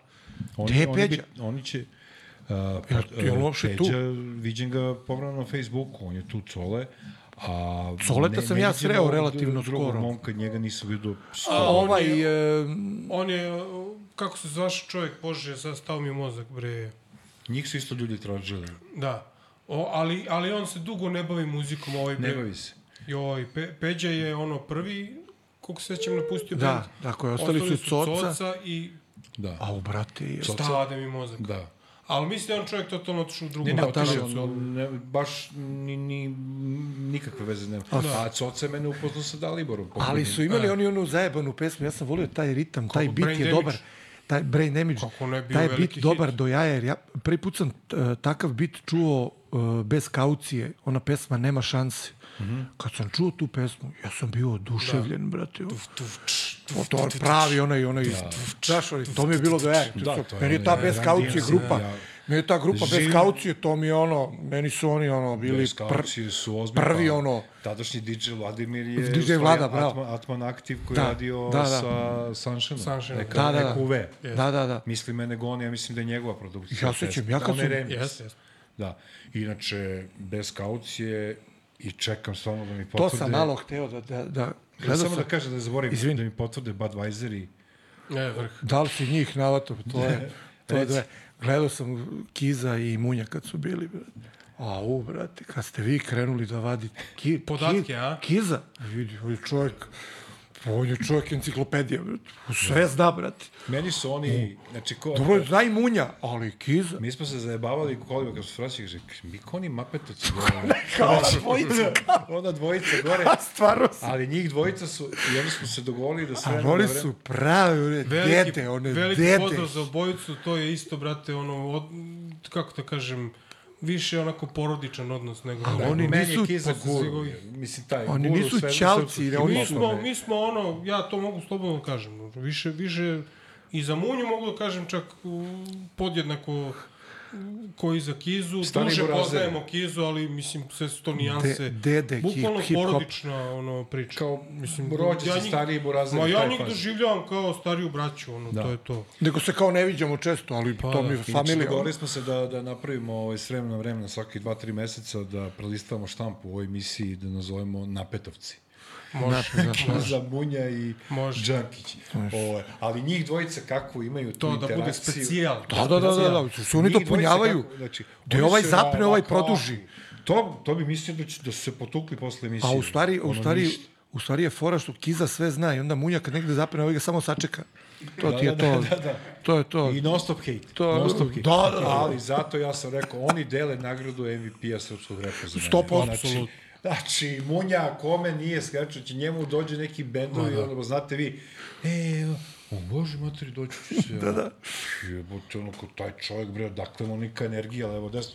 I Kiza isto, ovaj, i on je ušao malo, malo je to, ipak su godine, ali Kiza, ovo, ja sam čuo neke demo snimke ovog albuma što radi Ja ne mogu da dočekam. Dobro, lepo. Mama. A da, mogu da si te tekstove, on je sad već... Znači, ki, a Kiz meni kaže, Džano, ovaj, znaš, kao, nemam ja, znaš, nemam taj kapacitet pluća više ja da odrpam. I, i, kaže, i ja rekao, daj mi, pošalji mi ono, kao, neću nikome, ali kao nema nikom da šeruješ ovo, nego samo da čujem. Nemaš. Znate gde nemaš, Znaš si ti da, e, ali Šta znaš bi šta? bilo da imaš? Da, da, E, ali da, veruj mi, danas sam o tome razmišljao. Slušam nešto sam išao, nešto baj se išao tamo vamo, nemam pojma. I slušam ovog Sevena, Seven je do ja, njega nisam pomenuo, MC da. Seven, a, Odličan Seven. on je meni top. Zvaćemo njega, Denira, još E. neke ljude, ali ne... e, Dobro, Podcast polako, jednom nedeljno, ne možemo- polako, ti nebitno. Kao, Inače- Sevena, kad budeš, ovaj, kad, neće mi brat Seven zameriti, ma on je do jaja. kad bude ta, ta opcija ono sa, sa na, nastupom u toku emisije i onako ovaj, dosta piva, taj freestyle, Ma Seven je bre, Seven je, on je, meni, Mislim, Seven to je ali sam- neponovljivo. Ali Seven sam hteo da ti kažem za To, to je što je, neponovljivo. to što ne, je ali Kiza, Kiza... Hopper, on dečko radi u, u, ovom, da kažem, maniru, ono, kako, kako se već preko takmiči, pa se uzimaju prva mesta. o Seven ga freestyle roka, Seven da. roka, Seven, ono, Seven to ko- samo u specijalnom elementu, on je veliki talent. Znači, on bre ne piše tekstove Seven- uopšte, Seven za pesme koje je snimao ne piše tekstove. Da, da, da. Nego on to Seven zna na pamet. ono. freestyle na freestyle. Ja ne znam kako to drugačije. da- Ozbiljan da, talent i ovaj- ozbiljan muzičar. Da, da, da. da. Lud, lud, mnogo u pozitivnom smislu. To što je Kiza rekao nema daha, up, zato sam i počeo da pričam, vozim bajs i pustio tu neku pesmu i sad već sam naučio tekst, ono, i onako na bajsu, i ono opustio se Blame, Goran ide po Bežanijskoj kosi, i krenem da kao, znaš, rep, naglas, ono, boli me dupe, nema nikog, ono, oko, no, provolim, brate, ne mogu da, ne mogu, pa nije, ali kad ne, rep, ne vežbaš, a dobro, naravno, mora da se vežba, vežbe. pusti ti kao talena, to, koji bre tam, moraš da se radi, ti ako misliš da se baviš time stvarno, ozbiljno, Da. Moraš ti moraš da, da vežbaš, Pa bukvalno. dobro, u svemu, talent je 10%, brate. Ne Marko. može ovo, znaš, kao blame, ovo ono i kao izađe mi iz cepa, ma važi. Možeš na, možeš na mikrofon. Halo? Halo, ureče, to utisak nedelje. E, izvolite, Olja ovde. Koji je vaš najveći utisak? Gde si, da ugasim televizor da ne odjekujem. E. Jel se, jel se čuje dobro? Gde si, gde si mladi, talentovan čoveč iz Zemuna? Ovo je bilo iznenađenje za Marka, ovo je Day broj Who. To. A to Danko. Danko. Yes. Torci. Pa Gde ništa, si, evo, brate, Dane? pričamo o vremenima kad smo bili mladi, kad smo prve krave ovaj, krali zajedno. Smorali smo sve. E, reci mi, Danko, jel smemo da kažemo lepe vesti ili ćutimo? E, pa kao prošao je treći mesec, kao ono, mogli bi šta znam. Pa, čekaj, stani. Reci mi tvoju trenutnu lokaciju. Uđi, uđi, izađi vani. Kako je u Švici, brate, cool je u Švici. Imamo li video, Danko? Evo, ja ću s vodom. Evo, živeli, E. uzdravlje, Dane, sve najbolje. Ajde. Živeli. Znači, treći mesec. Pa, A, brate, dobro, cool. Kako se beše zove tvoja devojka? E, Maja. Maja. Vi ste u Bazelu, je li tako, trenutno? Da. gde si, brate? e, pa bravo, brate. Okreni malo. Evo, stavit ću te na... Čekaj, pa ne, da bude na mikrofonu, da. Da, da, da. Evo ga. Pozdrav za bratu Ivezu. Gde si, Dane? Pozdrav za Džankića i svaka čast za emisiju, svaka čast za trud. Kao što sam ti rekao i posle onog kulturnog genocida, ovaj, ti, se, ti se vraćaš. I u stvari uvek si tu, ali nekako se uvek i vraćaš. Tako da, da. Sa Svaka tebe čast uvek bit ću tu. Ovaj, jeste, pa pričali smo, Danko, već kad si tu, ovaj, hteli smo da uključimo preko Zuma, međutim, trenutno nismo tehnički u mogućnosti. Da, ja često pominjem to. Ljudi, ajde neka Danko prvi kaže, pošto kapiramo da ima i, i posle i nećemo puno da te smaramo, Danko će Who biti naš gost u oktobru kad dođe u Srbiju, kad dođe u Beograd, ali ajde da kažemo par rečenica, prvi ti možeš o tom kulturnom genocidu koji po mom skromnom mišljenju nije ni malo slučajno napravljen, već targetirana su mladi ljudi da jednostavno ne koriste mozak u svom Tako je. životu. Pa da, pa da, sve što ovaj, više zatupiš, manje se i pitaš, manje razmišljaš, ideš na posao i ćutiš i slušaš palmu. On, nema pojma, tri kila banana i iz te generacije neke. Buga, buga, žurke, kako se on zove? Buga, bunga, ono, gluposti. Da. E, pa da, jebote, kad su rekli ono da je bila kao neka afera, kao da li je manijak ili nije, brate, a svi smo zaboravili da on uveo porniće. da, je. Tačno. I Kao kao, nije manijak. Kao što Tačno, smo bravo. svi zaboravili da, recimo, Mozart nije zaradio para od muzike pa odlučio da otvori kladionicu. Da. To samo kod nas, brate, I nije mu svilo da je bio mnogo mali. Ali sve, sve, ali meni je ono kad vežba, brate, one klipovi na YouTube, ono kad... Ne znam da ste to gledali. Ma nisu. Ma, gledaj. Da, da, kako ono, ludaci došli su na vlasti kao da smo ludi vode nas u propast. Nobody move, nobody get hurt, ritam tek mora da pozoveš. Ja, e, evo sad ćemo čujemo oba Marka oko tog kulturnog pa, genocida. Pa šta da kažem, ne znam. Dobro, važe, hvala. Jako sam ovaj... Baš si rečit. Da. Nisi nešto reći za PR-a, ono. Iskreno, iskreno nešto sam gledao u telefon, nisam ovaj. Dobro, hvala. Marko? Pa to je najveći problem i najveći, mislim, ono, od uvek. A sad, sad je, e, da se vratim u, ovaj, u zvuk. Od uvek je to bio najveći problem, a sad, sad je to uzelo, mislim, onako, mislim da je, da je, da je u vrhuncu. I da. to je, mislim, sve ono što smo pričali u, u, u nekoliko prethodnih pitanja, u- uključujući ono naš sad ono da li, da, li, da li ovim klincima bilo šta jasno, pa to je razlog zašto im ništa nije jasno. Ja možemo da kažemo za to za glupi pa vladaj, prilike. Bo upravo tako. Upravo tako. Bravo. Za glupi, Bravo. pa zavadi, pa vladaj. I onda si, brate, ono... Danko, jedan od redkih ljudi koji je depresivniji u pesmama od mene, ovaj, reci mi, sam, nećemo puno da te smaramo, pošto kapiram da imaš i obaveze, a i čućemo te i vidjet ćemo te u oktobru u Getu. Ovaj, e, reci mi, će izaći nešto uskoro do kraja ove godine?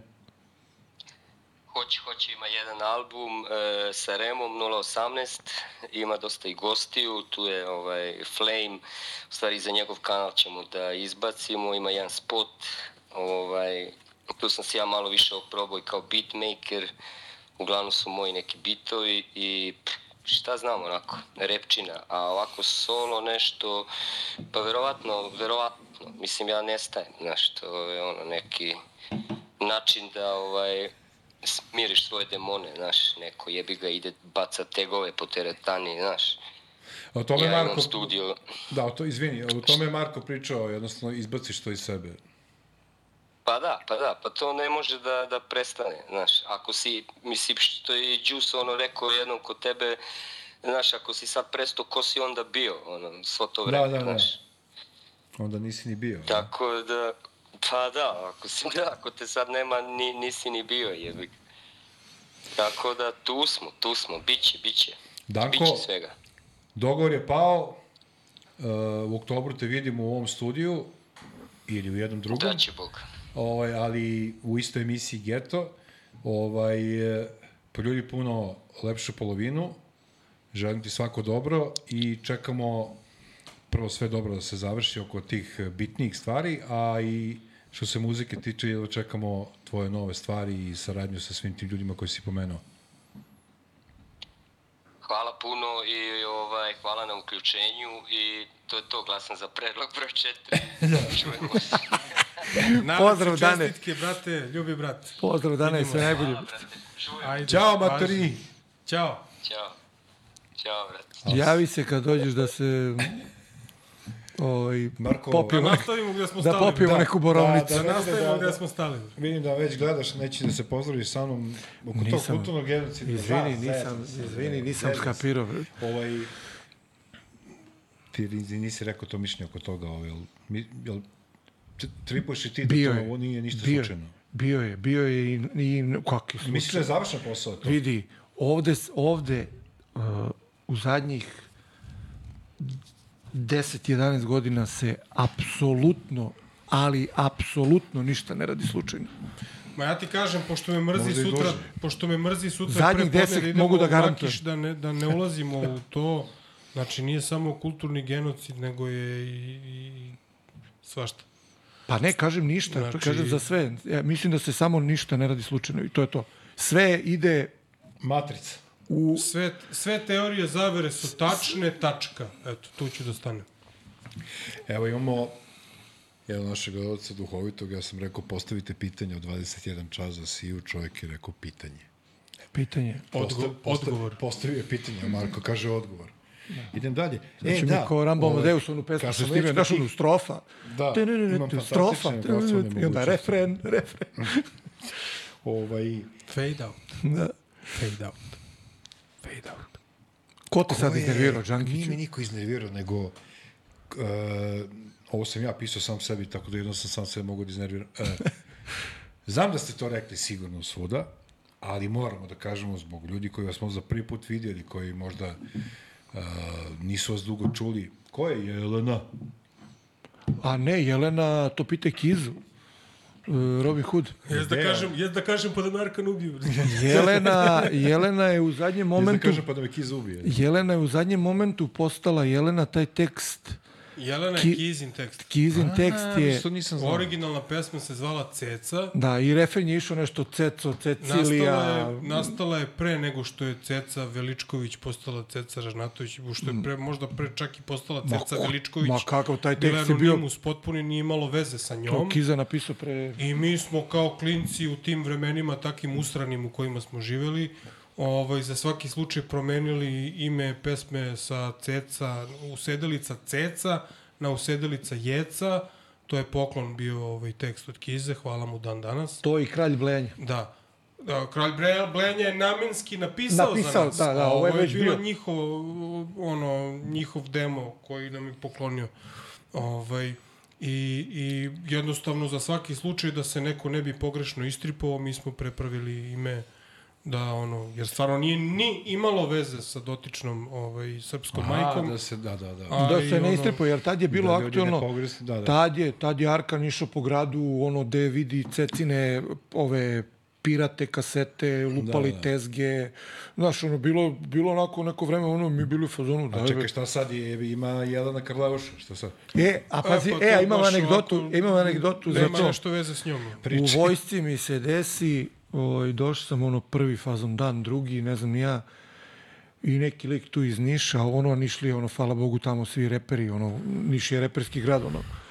A što je Ovaj. najinteresantnije, ni, evo, veliki pozdrav za Niš. Nikad nismo pevali. Niš je reperski grad, imamo ono super druženje sa ljudima iz Niša koji su dolazili ovde.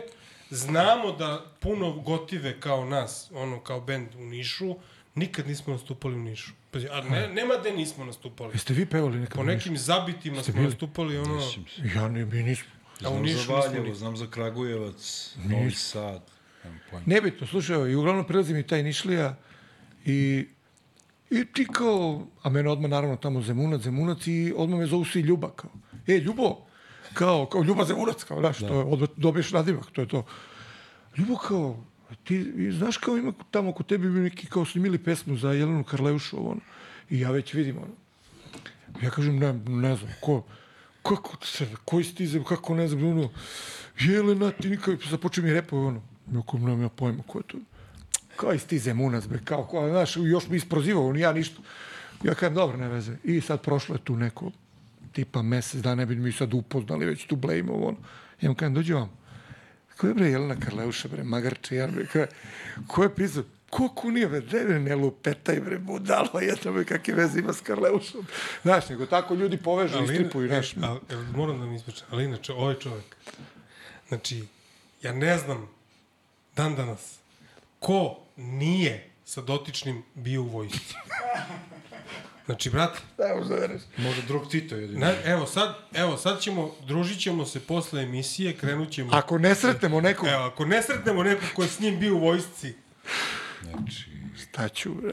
a pazi, M ga svi znaju, Da. M je pun E, anegdota. znaš kako imam ja jednog prijatelja? NPR. Slušaj, To, imam, imam jednog, slušaj, Ne. imam se nekog prijatelja, ne nebitno, nešto smo radili pre, zajedno i on je goranac. Znači nije šiptar, nego je goranac. Mm -hmm. To ono su tamo dragaš, ona mesta tamo i sad, i mi nešto po gradu, ovo ono, i on, op, op, e, ovo je iz mog sela, kao. Mi opet nešto blejmo, ovo je iz mog sela, opet svete nekog priča, ono, Kažem, brate, bre, koliko ima vas goranaca, bre, koliko... Pa ima nas jedno, možda 20.000. Kako, brate, svaki dan? Pa ima nas malo, ali smo dobro raspoređeni, kaže on. da, da, pa to je ono. Novi Pazar, New Shopping, tako da. To ti je to, Ali, to kao što su ljudi rekli za Crnogoru, kolevka civilizacija. god, Ko nema familiju u Crnoj Gori? Pa. I ko nema, ko, da postoji zemlja na svetu da nema Crnogoreca, teško, brate. Znači, Jelenu smo, ovaj, e, to A sam čekaj, morao- to sam, a što, nije, a što nema veliki brat u Crnoj Gori? Pa ne znam. Ne mogu da nađu 12 ljudi da se ne poznaju, brate. Meni je onaj sa, meni je onaj sa glistom i, i vrapcem, ono, da, da. Gdje nema si dalje. gujo ljuta i to? Da. Pa to ti je se klasično. sokole... E da, ovaj, definitivno vaša najduhovitija pesma, uključujući i ritam i tekst, mi je Dečko usponu. Ljudi koji možda vide taj naslov pesme i uopšte ono, vaš fazon, e, neće, koji malo ne, ne, ne zađu za tu pesmu, ja sam tako potrudio se na malo mozga što mi je ostalo, e, to se odmah skapere da je to u stvari prozivka Pa, Naj- pa e, tih fake gangstera i tih kola i... Osim u slučaju da si taj lik, onda u tom slučaju ti voziš baš takav auto koji se spominje u toj pesmi i slušaš BMW baš tu pesmu 81.. i izbaciš, brate, ono, naš palačinku i super ti je i To ono malo pre pričao, da, da, da. dešavalo se. A dešavalo se, super. vidi, a dešavalo se da nam priđe čovek ono kao, e, ljudi, al ste me isprozivali, ja sam baš taj lik. To je lik On- tamo, da, on je dečko iz Makedonije, da, da ja... Znači, dešavalo se da su ljudi ono kao se, znaš, ono, Meni je žao što niste snimili malo više takvih pesama. Da. Ležimo. To je inače, Zato da što- spomenemo, to je Vule, Vuletova, ovaj, više Vuletova, više Vuletov tekst, ja sam tu dopisao, da kažem. Eto. Ne, ne, zašto meni je ono bilo simpatično kao tri vokala koji su onako u pozitivnom smislu nadrkani, a tekst Da. koji je zajebanci. Zajeba, sporednja. E, meni je to bilo super. I zato mi kažem ti, možda je moglo da bude više, ovaj, ja sam imao te probleme sa tablicom množenja, ono, kao, gde god odem, sve mi nu, nude, ovaj, Ta pesma je veliki hit. Uh, mislim da nije ispraćena ovaj, Ka kako nije bio spot, onda to Pa ti je to. jedan. Mislim da, mislim da nije ono da je mogla da baš onako Ne, da nego vas zašto je meni bio, meni bio problem što ja A sam... ste imali pevačicu za to, brate. Ono, ono je, ja ne znam, meni ona devojka, ono, ja ne znam, Na koju konkretno misliš? pa Ivana, brate. Hank Švalda. A, Ivana Petras, Nothing Else Matters. Brate, Da. znači, E, pazi, ono je stvarno... fora u tome, fora je u tome što, znaš, ljudi te ukapiraju tako i onda, a ja paviljonac, brate, ono, mi svi ili alkoholičari ili polualkoholičari. Ili Kako bivši. paviljona, ti nisi blo- Sad sam ja zatečen. brate. Ti si, znači, ono... Paviljoni, osnovna škola, čekaj, cijela A ti si, A po, si a bio ti si ovamo, e, to posle mi- se Da, preselio. Ja sam, ja sam do, do trećeg razda srednje škole paviljonac. Ti si nama tu tako Na reći granici- komša. Pa, na granici Vrlo blizu, A, da, da. da, Ja vrlo sam blizu. e, na granici sa Zemunom. Seć, Da, da, da. Sećate se gde, kad je uh, srušena ona pruga. Koja pa ulica? ti- samo Koja onaj, ulica? Uh, Pohorska. Pa ti si tu, onda to je Ali to. sad više to nije Pohorska, to im nikad neće oprostiti, mm. kao što više nije Žika Cjanović Španac, pošto nekom je zasmetalo što je mm -hmm. Španac i što je, mislim, ne ulazimo u to. I onda ljudi kao... Kurčio se mnogo Žikica, jebi. ljudima se svidela ta pesma i onda ljudi, da, Ha, kurčio se. znaš, kao, ubio Pretero je, pretero je. Srbina, Srbina, znaš, kao, i te gluposti. Ovaj, I gde god odem, razumeš, ljudi kao, motori, ako ljudi, ja, Nisam, pivo, sve u redu. nisam iz te priče. Ja, kao, sad te sramota, kao, ma ne, nego, mislim, ono, jednostavno, došao dolazim iz, druga, iz dra- iz druge priče, ono, džoskamo basket kad padne mrak, zidarsko pivo i tako svaki dan je.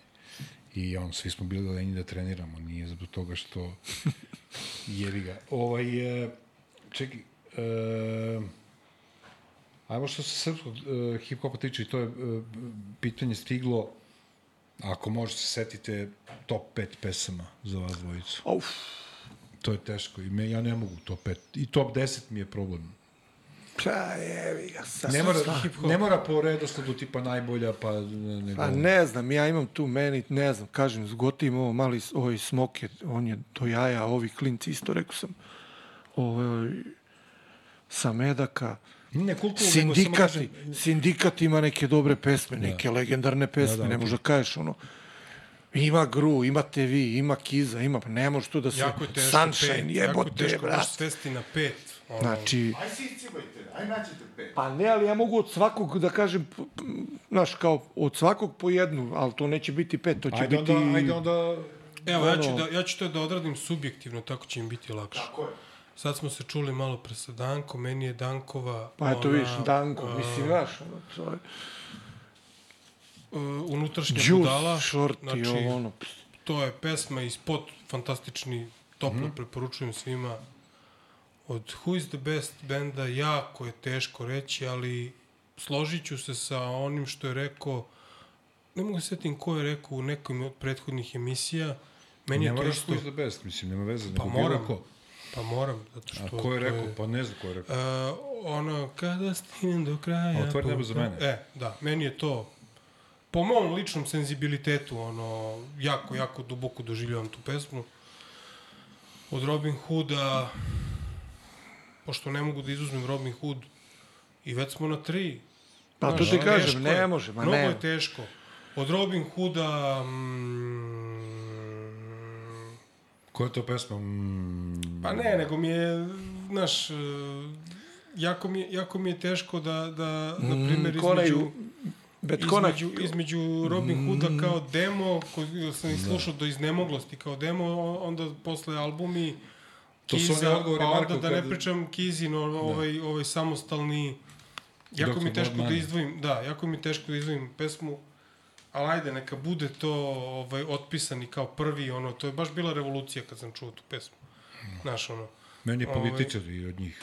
Definitivno, ni, otpisani nisu njihova najbolja pesma i njegova Dobro, najbolja to je- pesma. rekao kako sam, nego najbolja debra, imali to- su... Nego, nego mi je taj trenutak bio Tvoj ono... odgovor na pitanje, subjektivno rekao si. Da. Ti, Marko?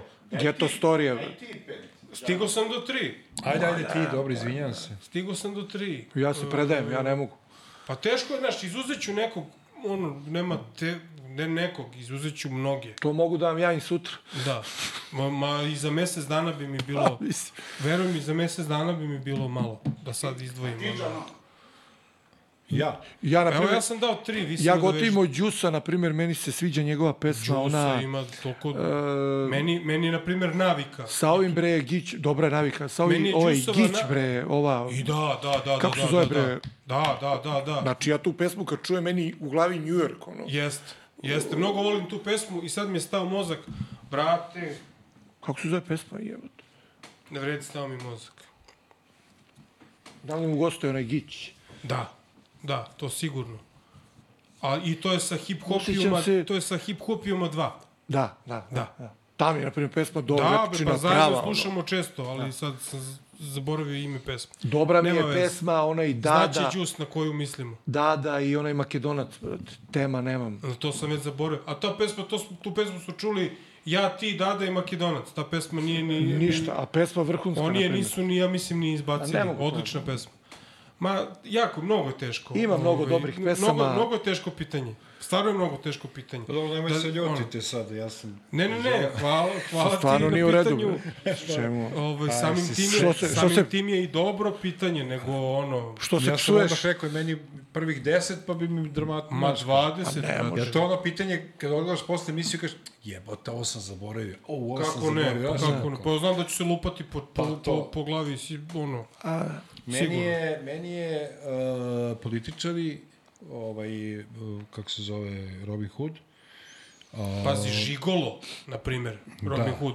To je toliko, toliko, to je tako napisano, znači ja ne znam. to je toliko iskulirana pesma cela. Ali tako je napisano, to toliko ima ono... Žigolo, žigolo peo ovaj, bre. Da, ali ima i... i Aha. O, kao što je nama, kao što je nama poklonjena ovaj, Da, da. i ceca jeca, tako je uh, Žigolo poklonjena Joe, ovaj, Joe i Peci. kako, kako im se zvao band, zaboravio sam. Kvik. Tako je, Oni su isto A- snimali u Bebop. jest. Da. A posle je uradio Kiza Žigolo i svoju na, na njegovom albumu. Onda misli mene gone, Odlično, bravo, na Sunshine, primjer. To je i meni njihova najbolja. Da. Meni nije, meni je od Sunshine najbolji Kremenko, brate. A što sad ja ne mogu ni- da završim, brate, da ja jednom kažem nešto u ovoj emisiji? Pusti čoveka da Šalim kaže. se, bre, zezam se, Ajde, reci. ajde, reci. izvini, izvini, molim. Nema, zajebao Nastavi. se, bre, šta ti reci? Pa kaže, meni Kremenko mnogo zanimljiva pesma. A svakako ni ima boljih. Kaluđerica Mira. Teško je, teško je, ne, Kakve stvarno. su to pesme? Pa kad kaže vidi ovog degenerika. Ali evo, A to je još bio, to je još bio Green Cool Pasi, tako? Kaluđerica Mira, to je bio Green Cool Pasi, to nije bio A, Sunshine. da. Da, to je Tako? demo, demo To je verzija. Green Cool A Pasi. vidiš ti to koliko je- smo, mi za, koliko smo mi zarobljeni u svom vremenu, razumeš? Znači, mi sve navodimo iz našeg vremena. Evo, najmlađe je ovo Pa, Dankovo što alo, ja sam, sam, ja rekao, spomenuo. ja sam rekao da sam... E, a stvarno, a stvarno ima Ja sam- danas fenomenalnih pesama koji izlaze i sad. Nije Ima sve... Pregrš pre, Nije sve instant i nije sve Ima, trap rekao i sam. neka izvinu svi, ovaj, nego mi smo zaleđeni ljudi, šta da, šta da vam kažem. Ono. Sindikat Kako ima se- par dobrih Pa pesama. kako nema, bre, nisu i, i ne samo da. oni, nego... I Škabo sam ima pesme neke I imaju dobre. i Prti BG, i, i, O, Mikri, i Bvana, i... THC, Vana, one pesme i su svi su THC, mada, i meni hvala svi Bogu. su mada faki, vidi, to je kao Solo Sessions, ono da slušam. Pa Meni- dobro, Vana meni je taj Svi su fazon. mada faki, 100%. to mi je ono... Ne, ovo- Vana ti je funk dubijes, ono. Da, da, da, da. Va, pa van je ceo funk. On je... Znači, ovaj, Dobar e, sam protiv svih sija, onda e, jedna od omiljenih pesama, to ja ne znam koliko sam puta Jampi e, slušao na, na repeat, e, THC i Škabo. Takva ta genijalca kad se spakuju u jednoj pesmi, ne može pesma da loša. Ne brini ona pesma. Da, da, naravno, O, naravno, naravno. brate, mili. Znači, to mi je valjda, znaš ono, popiješ malo, pa si kao malo i, znaš, kao malo... Normalno. se sve i onda se počne se prazniš lepo. Tako je, I onda kao, tako je. kao ne brini.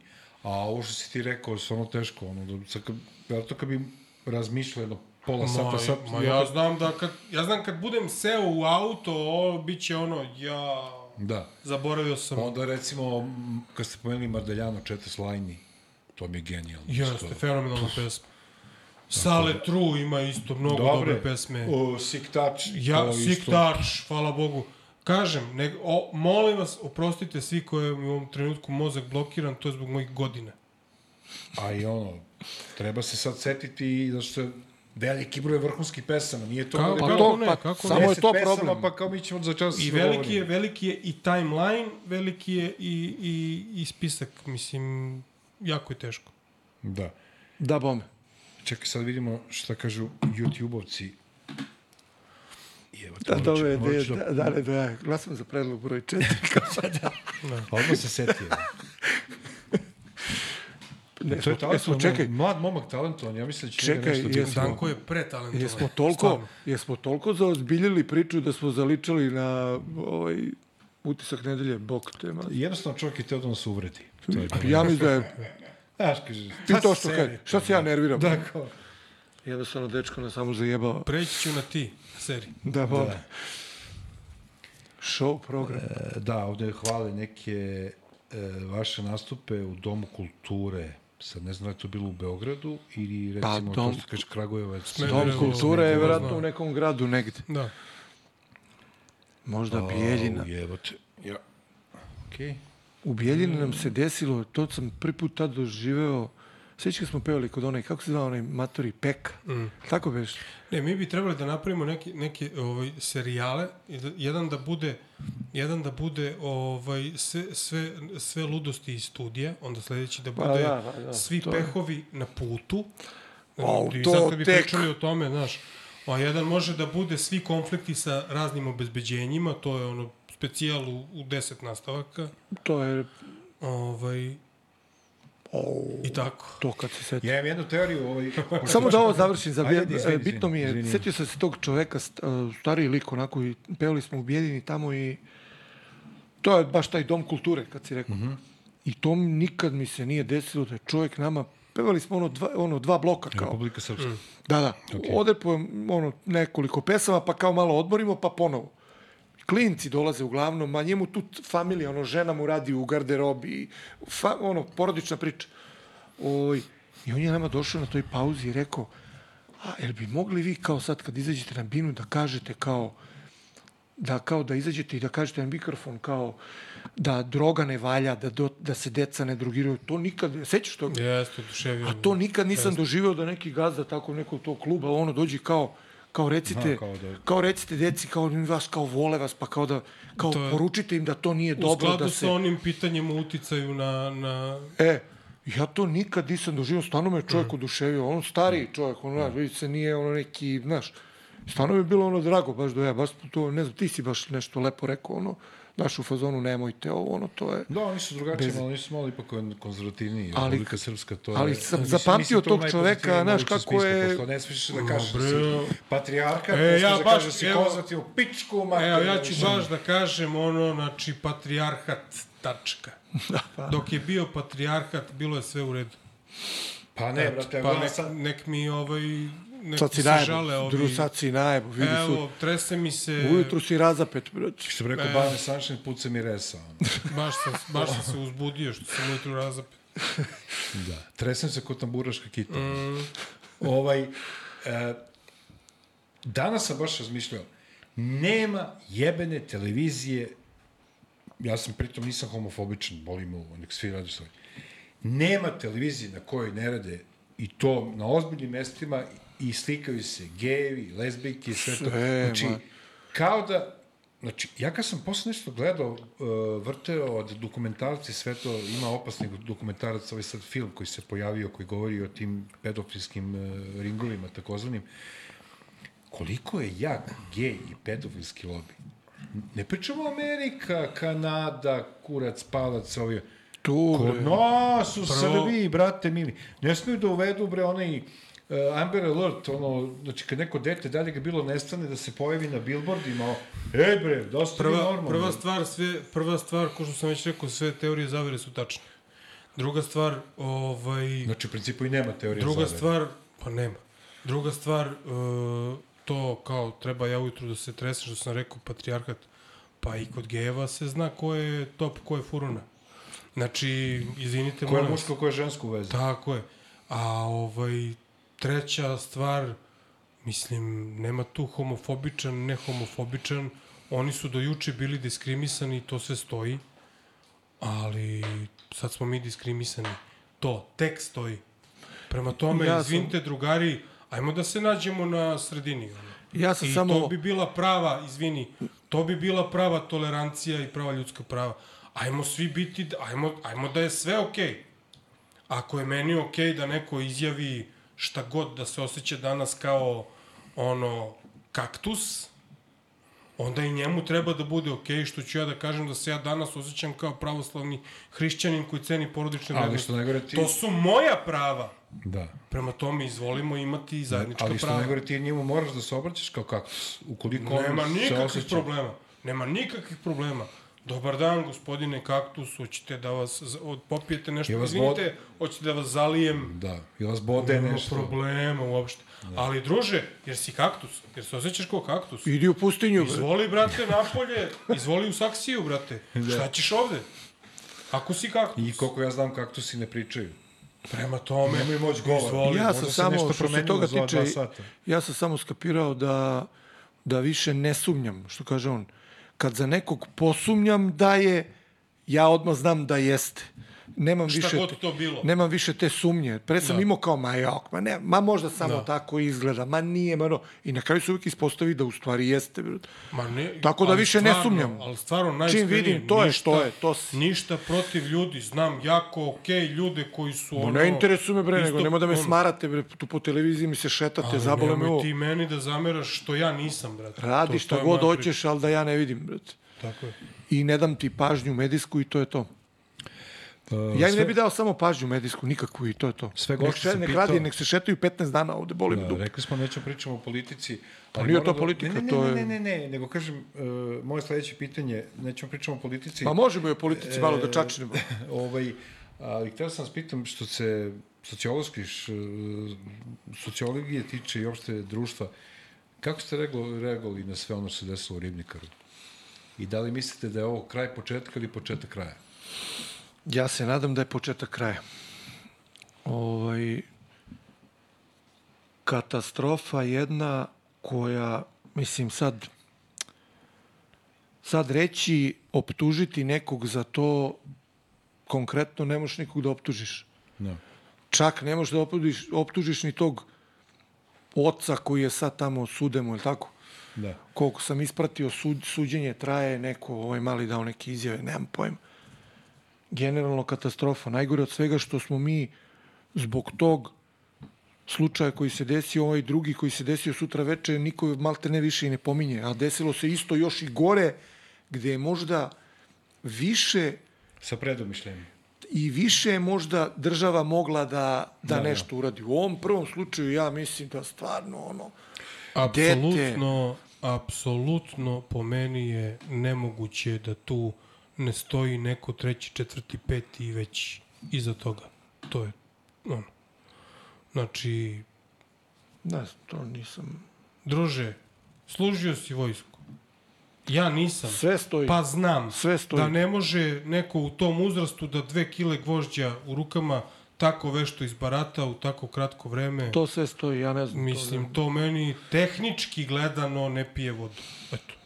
Ali eto, pobedili smo, A pitanje- imamo najmlađeg masovnog ubicu Da. na svetu i super Pa smo. mi smo ono, svemu sad. Daš, i, to, i onda... Jeste bojica možda neki put, možete da li ste očekivati, da ste očekivali, pardon, da, da će to doći jednog dana kod nas.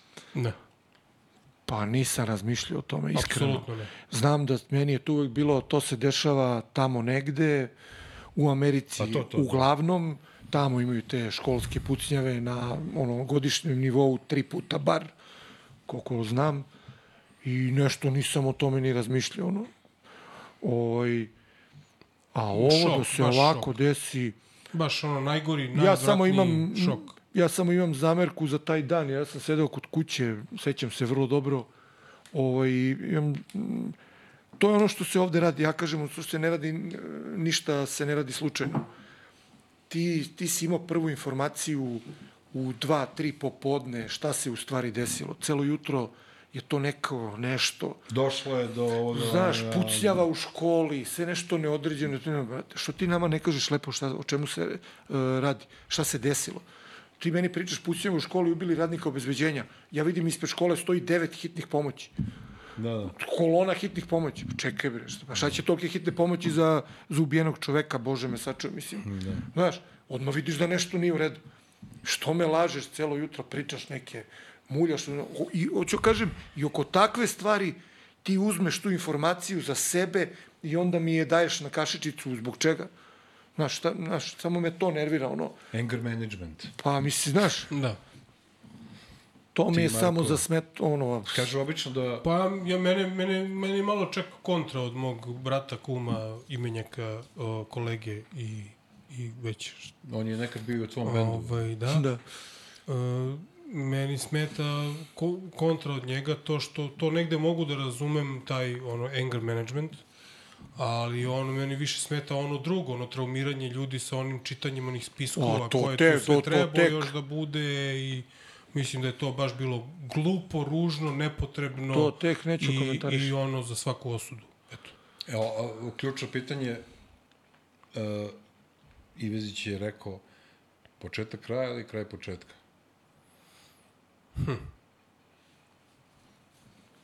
Pa ne znam, a, početak kraja.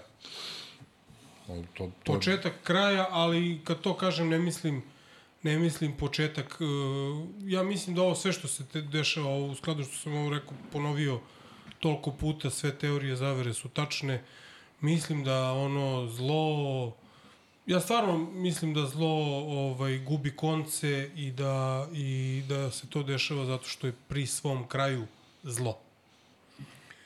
Pa, ne znam. Znaš šta ima onda teorija? E sad koliko taj kraj može još da potraje, nažalost to ne znam.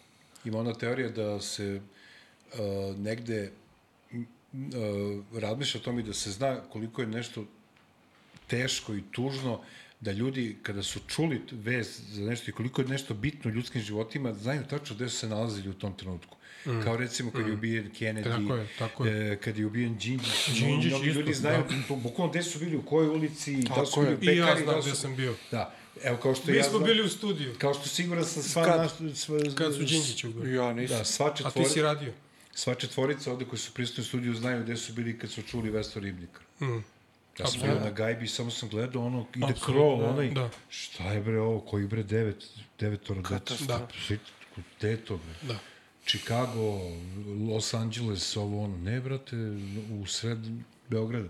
Nebitno gde Za, god. završit ću s politikom, evo, s ovim neću više Dobro, da ovo se... nije ova soc Da, da, ovo je ono, da, što kažeš, nije, nego, završit ću samo, nego samo da, hoću da kažem da moje mišljenje je neko da ovo sve što se dešava sad, mislim da se apsolutno dešava sa razlogom i zna se zašto se dešava. Mislim da je to sve vrlo kontrolisano, da ništa tu nije slučajno.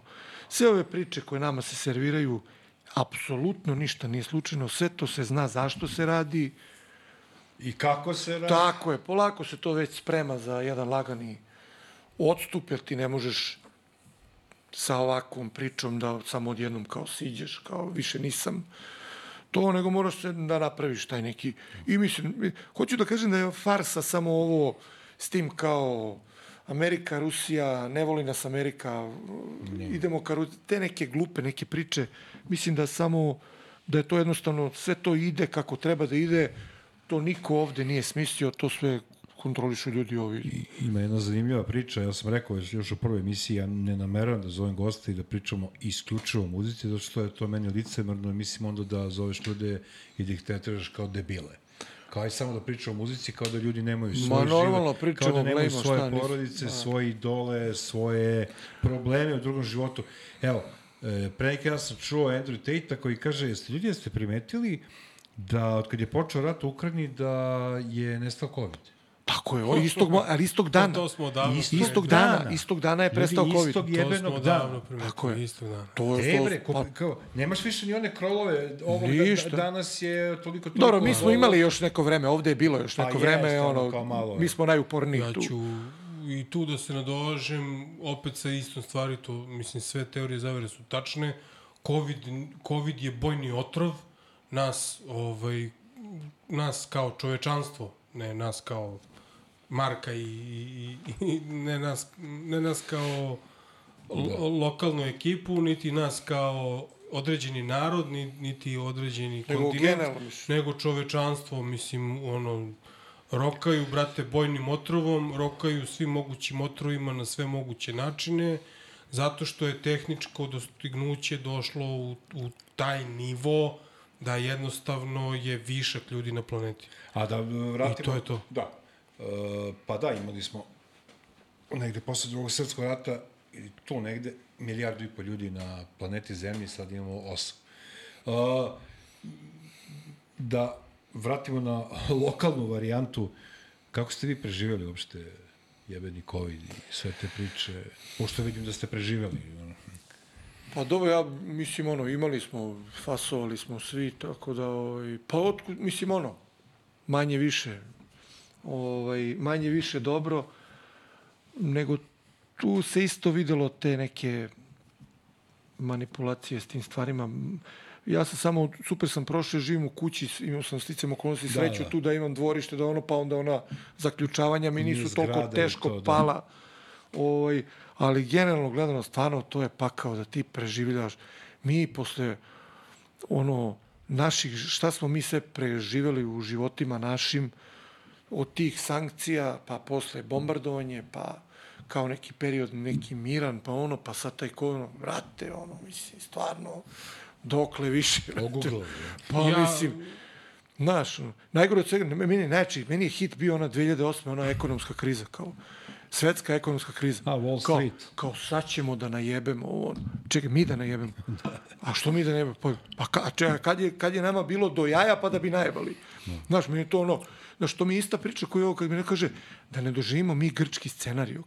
Mi da doživimo grčki, pa vidi, ja bi, ja bi sve dao na svetu da mi doživimo grčki scenarij. Reći šta, pa oni bre puni para, bre, oni ne znaju šta će tamo, oni, znaš, ono, Pa tako se vlada, vlada sa strahom. njima ukinu tamo 14. ne 13. platu, 14. platu. Oni izađu polome celu Atinu.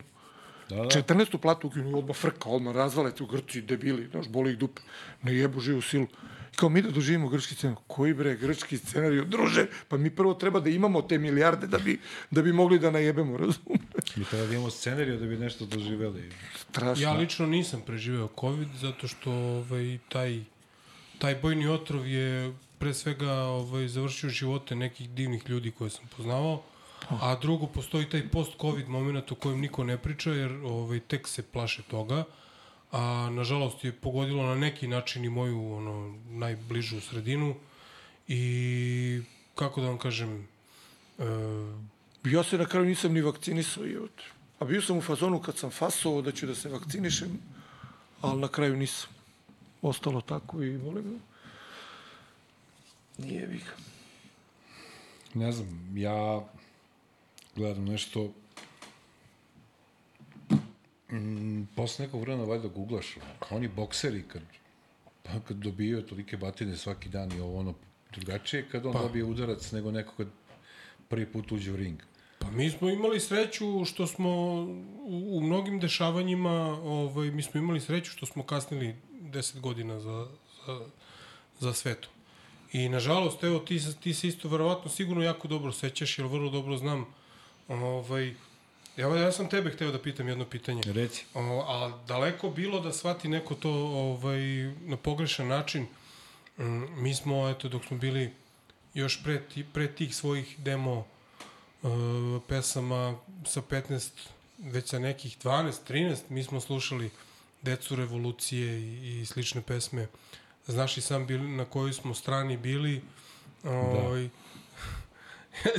sećam se jedne anegdote kad smo pevali na, na ovaj, Na most? na mostu, da, 99. kad je bilo bombardovanje, kad si mi ti preš, prišao u jednom trenutku i rekao, a mi došli, ovaj, mi nas najavljuju naravno pogrešno kao i, kao i uvek ime benda, ovaj, samo nije srećom tad u sred bombardovanja još bi nas neka budala došla i uhapsila, pa onaj voditelj nije najavio, onaj neki sa Pinka, nije najavio Cija, kao svi što obično ovaj, rade, nego kao grupa Sijal, Razumeš? A ovi penzioneri, pa da, ovi penzioneri počeli da, i kao, nismo mi, zio, ja neko je stiglo da kaže, stigo da kaže, mi smo sija, a ovi penzioneri kreću su išto da nose transparente, kreću da viču sija, Rusija, sija, Rusija.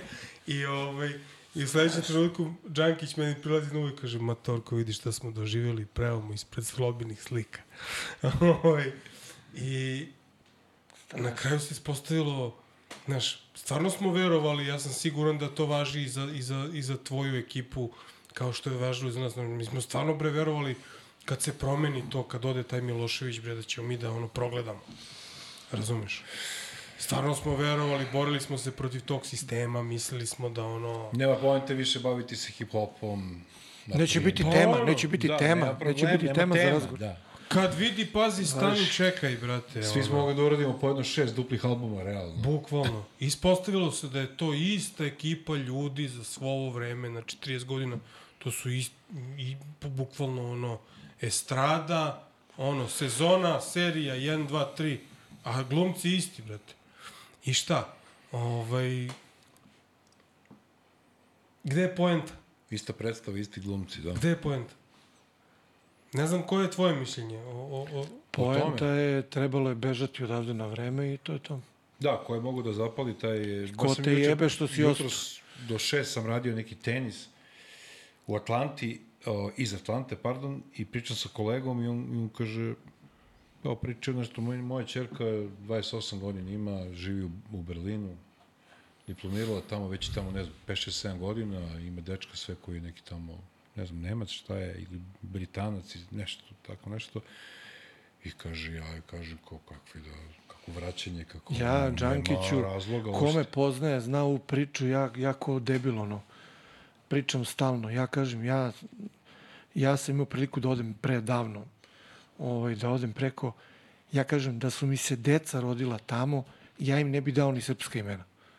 Znači, John i Michael. I to je to. Ne interesuje. me. Uopće nemam nikakve, me više, ništa me više ne, ne, ne vezuje za, za, nemam te, to patriotizam neki ono, ne zanima me uopšte, ništa, apsolutno. Toliko su uspeli mi zgade sve. Znači nisam autošovinista, ne mrzim, ali jednostavno gde bi, gde bi otišao, tako bi se ponašao. Pa pazi, mnogo ljudi tako razmišlja. I to je to, ne, ne zanima me. Evo, pitaju ljudi, Da odem u Norvešku, slavio bi, ka, mislim, obeležavao bi i katolički Božić. pitaju ljudi, Slavio bi svoj, ali bi i njihov obeležio. da, To je to. Dragi gledalci i slušalci, nemojte Marka da shvatite baš bukvalno tako kao što Ja ozbiljno kažem, šta? tako kao što ovaj on ozbiljno kaže, jer on u stvari je dobar jedan dečko, Nego, od- eto. Mi Divan onda smo, dečko, mi onda smo u neke crne teme. Daj nešto. Ne, pa, Pa to rekli smo, nećemo samo o muzici, što? pa naravno je. A, e, samo da kažem jednu stvar. Hoću Ritam i poezija. Na kraju emisije, e, Geto Podcast, tačka, e, tačnije at gmail.com je naš, e, naš mail, mail ove emisije, tako da možete tamo da se prijavite za sve, dobili smo neke nove informacije u vezi nekih novih pesama. Za sve ljudi koji hejtuju ovu emisiju, a stvarno ih je mnogo, mnogo manje od onih koji gotive, to je sreća, imamo negde, A ima i hejtera? E, imamo već oko blizu 100.000 sa vama će vjerojatno probiti 100.000 gledalaca, oko 2.000 subscribera. E, ne, nemam ništa protiv e, kon, e, konstruktivne kritike, to je meni cool. Uvijek bilo. Tako da sam za to da se svi ti ljudi koji imaju kritiku jave na Geto podcast, znači bez si, znači podcast na, na našem jeziku, podcast at gmail.com, geto podcast gmail.com, e, ostavite svoje podatke i bit ćete gosti u ovoj emisiji, da li u studiju ili preko Zuma, da vidimo kako da neke stvari po, po, povorimo, zato što mislim da Marko i Marko isto to znaju, mnogo su licemeni ljudi, ljudi i u medijima, kako završe emisiju, kako se završe, e, kako, se, kako, kako ovaj, se kamere ugase, to su potpuno drugačiji ljudi. Ja, ovi moji, gleda, kao hejtujete gledalci. Ma koji jebe, bre, to su sve seljaci. E. Druže, za koga radiš? Pa Kako normalno misliš da to? neće Kako misliš se- Znači, mene su učili kao klinca, ako te svi vole ili ako te, te svi mrze, nešto si loše uradio. Evo, vidi. Da, nešto Ali ne samo, samo da završim. Znači, ja samo, uopšte nisam protiv konstruktivne kritike. Ja sam samo protiv ljudi koji se, koji se vidi da su zli.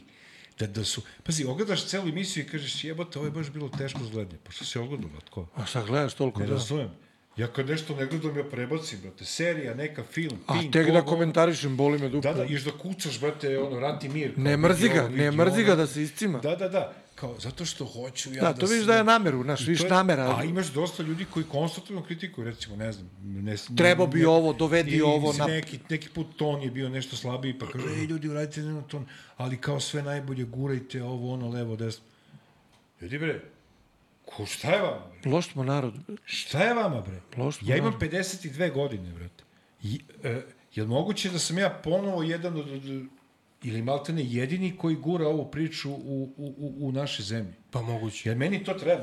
Ti se, ti Jer ja radim za milione Pa treba kao ti, Joe zato Rogan. što, treba ti zato što je deo tebe. Pa A to jeste. je to ono što si ti pritom malo pre, da li ćeš ti da se uzbudiš sutra ako... Pa- Ma šta ću, Ali druže, čekaj, da se ali uzbudim? samo, ali samo, nap... evo, gledaj, a pa sad ovo pitanje. Zamisli u Americi Džankića. Milioner. To ti priča. Koji je kao krenuo priču Milioner. neku sa radio stanice, Multimilioner. prvi bio pod, ono, i posle 20 godina, to- gde bi bio Džankić u Americi? Multimilioner. A Džankić u Srbiji ponovo istu bitku bije. Kreće iz početka. Samo malo, godine. samo malo A drugačije. vetrenjače samo... Ista je. priča, sad ne donosimo snimke, nego dolazimo mi, pa kao ono, a ljudi, u principu isti ako kurac. ne- Ako nećeš, brate, Vidi. prebaciš kanal, bre, ne Vidi. razumem. Evo, sad imaš ljudi, ja gledam ovdje na pitanjima, imaš ljude koji nemaju preča posla u životu, nego da prozivaju, razumeš, voditelja emisije. Ja neću njihova pitanja da, da, post, da, da prebacim, zato što su mi mnogo draži ljudi koji pitaju nešto vas. Ma, Kakve veze imam ja? Ja poštujem ja, to ja, što- kako sam, ja, e, e, ispričat ću drugarima kako sam ostavio Ja poruku to što- getu. Ja, ja, ja, šta si poštujem- mu rekao? Pa rekao sam mu jel na teškim drogama. Wow, ono. Poštujem i ne treba da, da im pridaješ značaja. S druge strane, kada bi pročitao njihove komentare, te negativne, to bi samo bila njihova sramota javno izrečena. A ovaj, sledeća stvar, evo, dobar primer, odemo ti mi 2003. neka godina, izdamo o, tadašnji album Sia 3 za City Records, za Pink. A izdamo taj album za Pink i za City Records pod okolnostima koje apsolutne veze sa nama nemaju. Naša izdavačka kuća matična u tom trenutku, neću sada da širim priču jer ono, zbog jednog drugog projekta koji je propao ne njihovom krivicom, nego se bend posvađao u toku samog ovaj, nakon same objave al, novog albuma, ovaj, a oni uložili veliki kapital u, u, u taj projekat i onda sledeći dolazimo mi, pregovaramo dugo meseci, možda i više, ono, a album naš gotov, ovaj, pregovaramo u tadašnjem trenutku sa BK soundom. Mm. -hmm. ovaj, tada su tu bio, tada tad bio neki muzički urednik koji je čovek ono se istripovao, neću da kažem jeo govna, mislim, šta Nemoj da da kažem, kažeš. šta da kažem, ono, baš neću kažem, da, da. ovaj, to je čovjek koji je odbio tad je, brate, izašao ono, mislim, ono, novi Vlado Girgijev, onaj album, mislim, prvi onaj album, ko, onoliko slušan i prodan, mislim, taj, taj lik nije hteo to da izda. Nemam dalje šta da pričam o njegovoj proceni.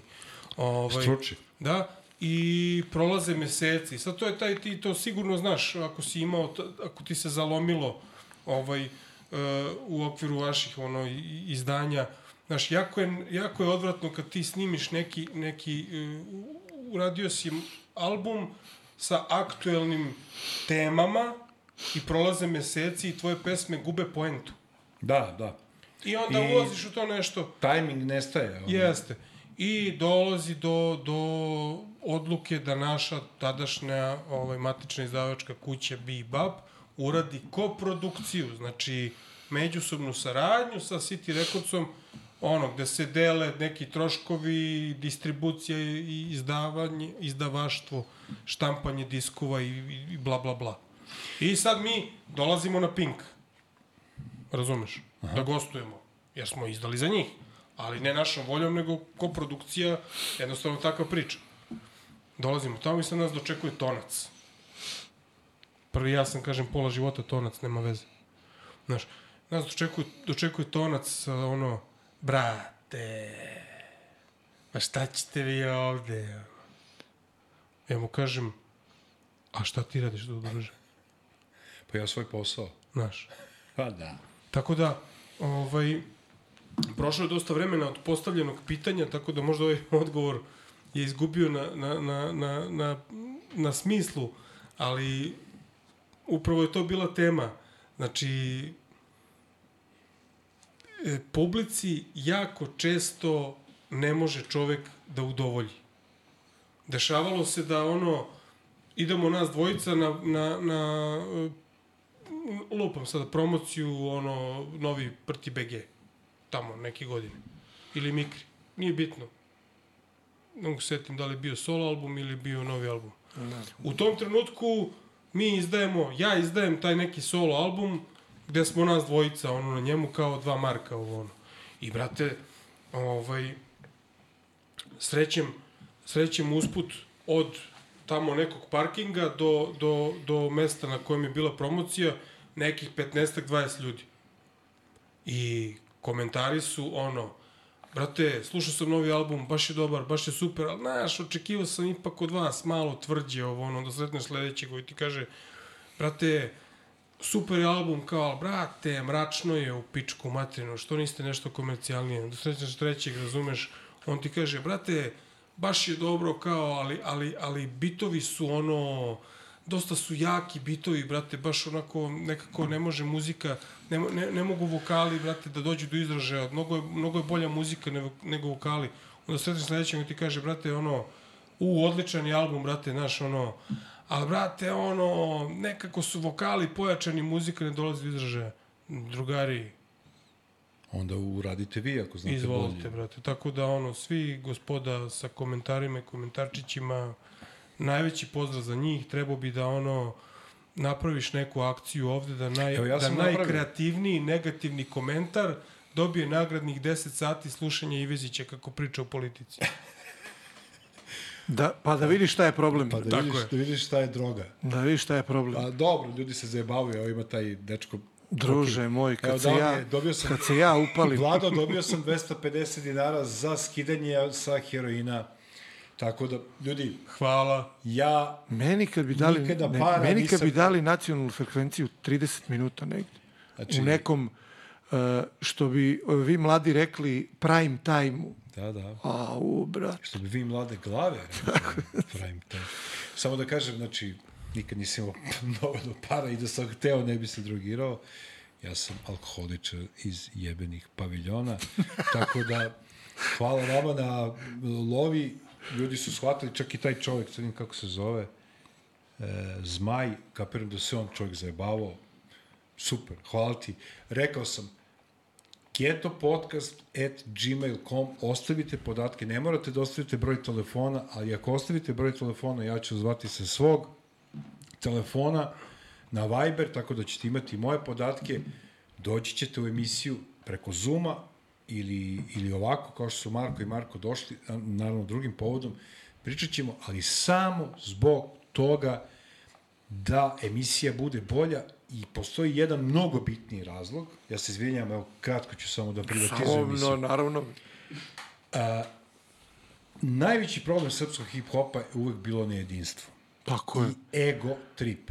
Znači, sada imamo društvene mreže, imamo, imamo, imamo. Mm. Imamo etablirane bendove koji žele ponovo da rade, kao što su Sija, imamo i bendove te generacije, kraj 70. 80. i sve to, koji su fenomenalni. Imamo mnogo mlađe, genijalne bendove i ja kažem, ti svi bendovi imaju svoje, svoje tripove, 3, 4, 5 bendova, prave svirke sve to. E, ako, bi, ako gledamo kao je tu jednu ruku, ako bi sve to se skupilo u jednu pesnicu, mm. ja Ne, bili bi kapiram, ja bi kapiram da. da bi to bilo. Ja ti kažem da, da onog trenutka kada, kada se to bude desilo, Soko Štark Arena, koliko? Mala, 20.000 ljudi. Mala, Lagan. mala. Pa Vidi. pričali smo toliko. Za, za E, glupi emisije. zavadi pa vladaj. Pa. To je problem. Znaš, Znači, ima, mnogo, no, ima mnogo ljudi... Ja sam tako, imam običaj da kažem o ono, drugarima, koli- stvarno, redko, redko sa, sa kime ono, smo mi nekad imali neki konflikt ono, sa bendovima. Nekad bude neki nesporazum, brzo se re, rešavalo. Ali često sam govorio razno raznim ono, drugarima, šta vam je bre, šta ste ko babe, brate, ono, šta se da. raspravljate oko budalaština, kada bi bili, prosto kada bi bili složni, bili bi neuništivi. To naravno može da se primeni i na, i na, ceo, na celu na naciju, sve, a ne samo, na svaku ne samo poru. Na, na kolege repere. Ma, naravno. Ovaj, onaj događaj svi kao jedan je mnogo lepo to pokazao. Stvarno. Šta je s tim? To je stalo, to je... Pa ja mislim da od, od, od, sta- stalo je od korone na, Da. na ovom. Evo, evo sad ću dobro da je ti kažem. Uh, ljudi ovde isto kažu, živa emisija, ljudi! Uh, ovo je jebeni geto. O, živimo gde živimo. Da li ste u Nišu, Novom Sadu, Ljubljani, Zagrebu, m, Splitu, gde god, na Kosovu, ovo ono. Manje više svuda isto. Uh, ljudi kažu, "U, ovo su mnogo teške teme. Slažem se. Potpuno su ljudi u pravu. Ali teške teme su oko nas. Teške teme su ostalom i hip-hop. Ja teške iskreno- teme su ja- rap. ja ne ne mogu da- možemo pričamo ono što ste vi pričali. Ajmo ko Ja čemu, naj- ko je, ha, ajmo... Ja Ja, ne mogu da shvatim bio- čoveka koji mi kaže, koji mi kaže mene ne interesuje politika. Da. A tipa živi ovde još ako ima porodicu, decu, ne znam ovo ono, ne, kao mene ne interesuje. Druže, šta te zanima, ne razumem. Da. Šta te zanima? Dobro, ne mora bude najbitnije, ali... Šta, ne razumem šta, pa ne, ne treba da bude, ali kao, kao ne zanima me, kao ne idem da glasam, pa, ne zanima me ono, čekaj bre, brate. Ja bi Ja najsrećniji mogu bio da da, sad- da sad pričamo o tome koji sam gliser vozio na ovom letovanju i da li je Marko kupio novi Tuareg. Raperi ono, kriza, sećaš? Ili već, Mislim, ako ćemo tako, Marko, onda mi ovu emisiju ne bi ni radili, nego bi blejali negde... Ej, Džankić, da, što pa bi šta, o ono- čemu mi pričamo? 2000 neke, prve, druge, treće, ne mogu da setim. Kad smo bili u Bugarskoj, bili smo jednom, dva puta, ne znam ja, zajedno na dva moru. put, nažalost. A Bugari imaju takvu rep scenu, vidi. Oni imaju ozbiljnu priču, njihovi reperi tamo imaju svoju liniju garderobe, imaju svoje parfeme, ono, ozbiljna priča, on. Odemo na more u Bugarsku, upoznamo tu neku ekipu u tom nekom beach baru, kao prave neke koktele, zajebamo se ovo ono, i puštaju neku dobru muziku, rep, bugarski. Bugari imaju dobar rep, znaš. Oj, I mi nešto s njima u priču, uđemo, oni klinci isto, onako, mi bili tad klinci. I mi im kažemo da imamo da imamo tri albuma, ovaj, da smo snimili tri albuma tad ili dva, nebitno.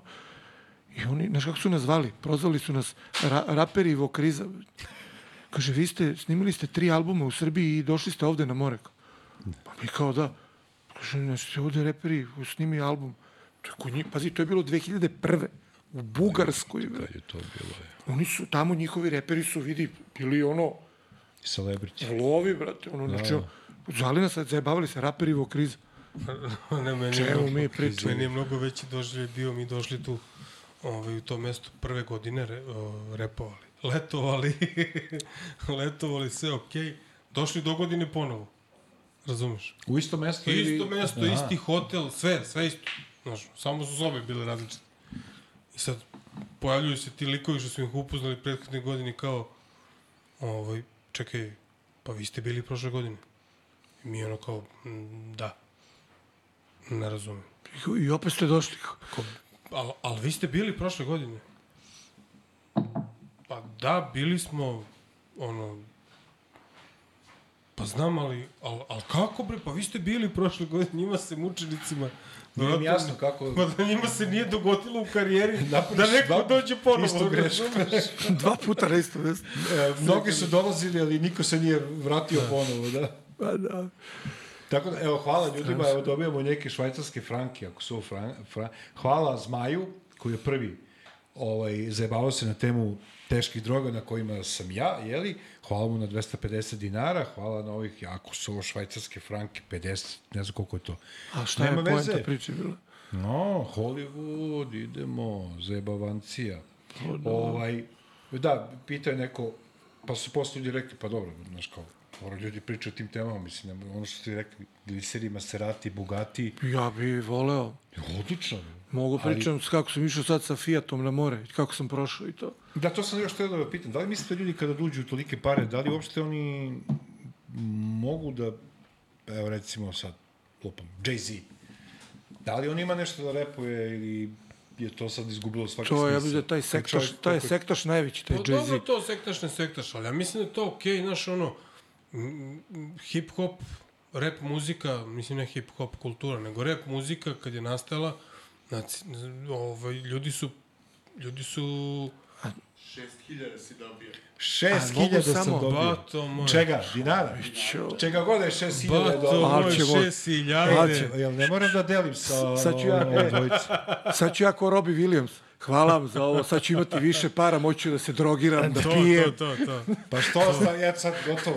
Neko mi, čekaj, e, ono što, ovaj, mo- moram da delim sa... A loži nas, loži nas, garant, nemoguće. Znam ko će platiti pivo. posle. Tako je, bre. Plati ti, nije mi ni do čega. Evo, vrate, ljudi, bre, šalju pare. Ovo Sad su 6300 dinara. 6300 dinara. U, ma. Danas, majko, ženim Richard Gira, žen... Okej, pa znači, Gostujemo kod, Izvini, nastavi. gostujemo kod tajkuna, bre. pa znači još da legalizuju gej brakove i eto. Ništa, da nastavim, znači ono, Ovo ti se još nije desilo, moraš priznati u emisiji. pa to, Jesi vidio Iveziće? Ja rekao, samo da legalizuju gej brakove da bi mogo za od ovih 6300... Ma nisam te ja ni čuo, ja računam koliki je moj a, deo. A kaže Ivezić. Molim? Ma ja računam koliki je moj deo, bre, nisam ja tebe ni čuo. Kad evo Dva Đakiću, soma. si mi desne ruke. Vidi, dva soma i sto, vidi. Topčin. Tek ti sad Tonca- izašao. tonca top je nisi računao. No, malo dok procesuiram, ne mogu. jeli bre, a tonca nisi račun. Ili, da, e, vidi. A da, izvini. bravo. E, jeli, moj jeli, druže. Jeliću, pogledaj zašto ste imali problema u karijeri. Vaš PR menadžer treba Ramiz. 24 minuta izračuna. Ramiz kompjuter. Ramiz kompjuter. 6300 dinara podeljeno na 3. To ti kažem. Zato i bolje što niste imali nikad pare, To niste imali kažem. šta da delite i da računate. Vule, vrati se, sve ti oprašteno. E, a to što kažeš pare i to, S a obzirom mi... koliko ga ljudi traže, morat ćemo Vidi, zovemo a mi s parama, pa vidi, to je, vidi, pa ja ne znam, pa više smo, pa ja ne znam koliko smo puta samo, pa to se malo puta desilo da smo doneli kući pare, pa sa tezge, ono, ma daj, bre. mi- Te pare su uvek potrošene, šta bre, to je. To je, Mi smo, mi smo trošili pare ujutro kad dođemo, brate, na štajgi, kupiš pljeku i po, pivo ideš na klopu negde. te- Ali, ovi ljudi koji uzimaju pare... Dobro, sad uzimaju da dobro ne misle lovu. ljudi, pričamo kao tri matora starca, što je pleonazam, ovaj, uh, nego jednostavno svako vreme ima svoje. Možda ono imalo više duše, malo ono, i ovdje ima fenomenalnih ljudi, ali ja čestitam i ljudima koji su... su koji su Lepo kad se uzmu pare. Pa lepo, brate, slatko. Evo, ja sa 6300 pa već se tresem, ono, a kamoli, mislim, ali kažete... To ti misliš Milović- da je 6300. Da. To je ono što, to je ono što je vladi ostalo posle, znaš kao, gde si bio vlado? Pa ne, evo gde si, pa evo tu sam nešto u Ikeji, ovaj, nešto kupujem za porodicu. O, ja, dobro, šaljite, šaljite, naravno, koliko imate, da mi smo već... Uh, u pravom pravcu su krenuli, konačno. Da, da, da. Nek to bude sad običaj. Kaže, Što bi se rekao? Što da idemo u getov? Čuti, bre, uzuću 2100 dinara, popim neko pivo iz Blejna. Ajme još neko pitanje. Ima je, da, pitanje, okej. Jel ima? Upravo si, Vlado, ima, ima. Ovaj, kažu Jay-Z, pop rapper, Pa, če, evo, evo, bravo, ko je to rekao? Ja sam malo pre... Zveki. Ja mislio ili Jay-Z Zeki. ima pitanje. Bravo, Zveki.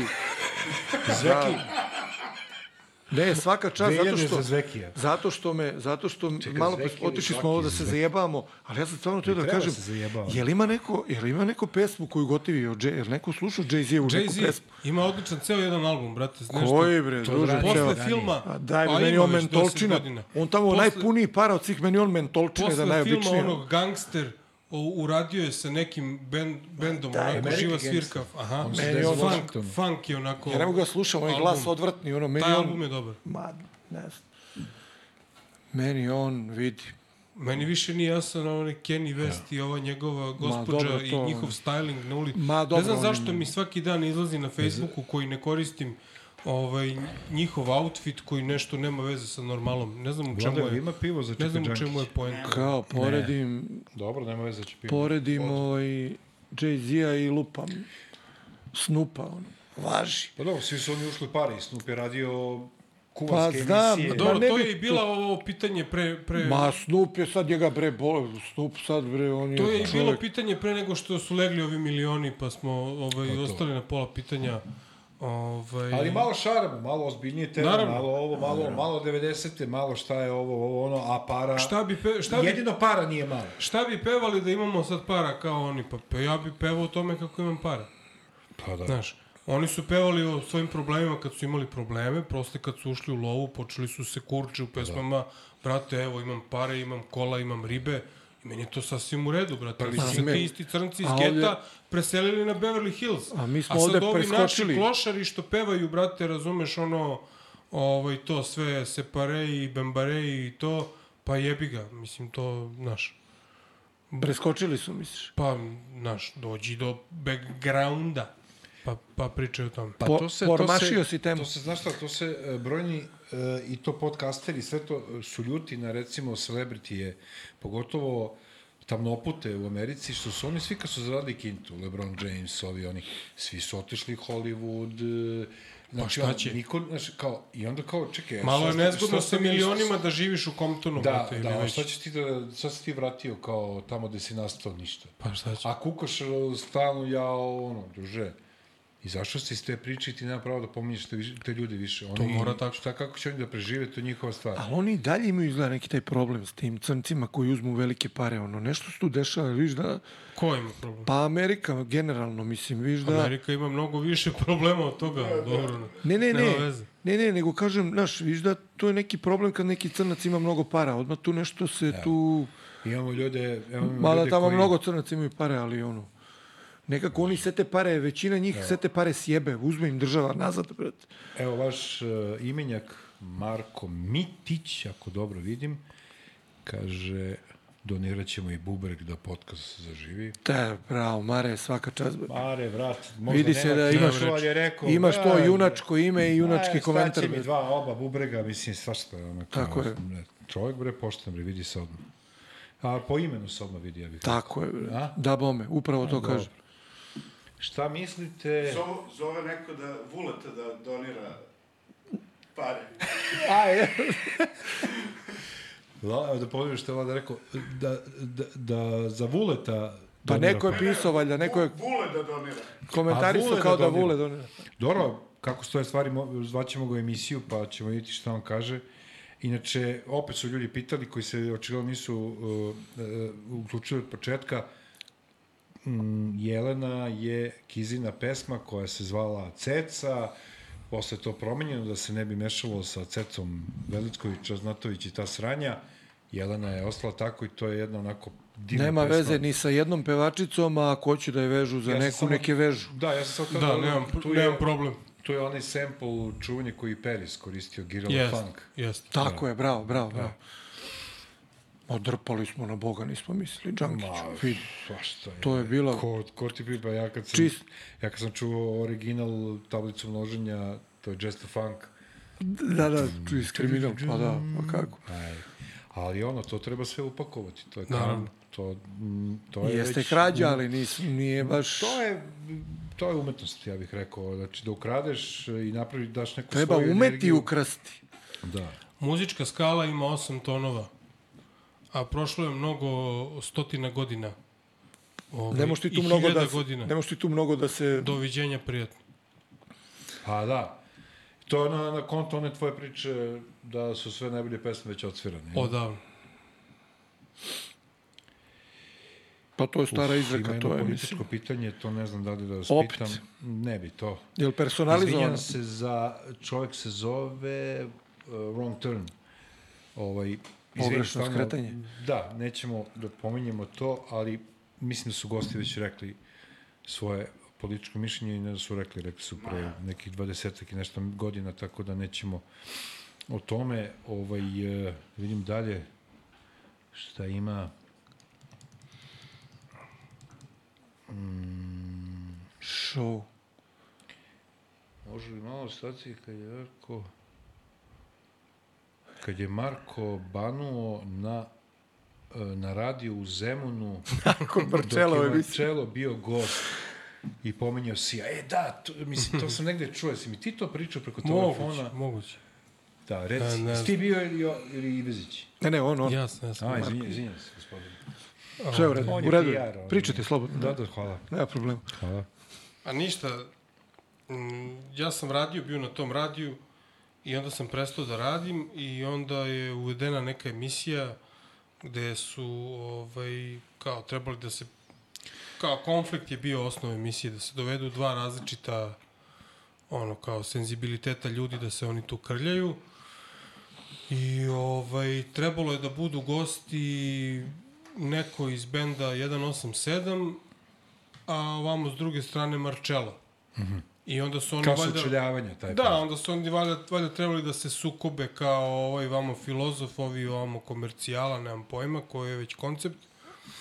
I sad ja ono kao blame kući, meni javlja tadašnja devojka, e, kao ovaj vas je prozivao, znaš.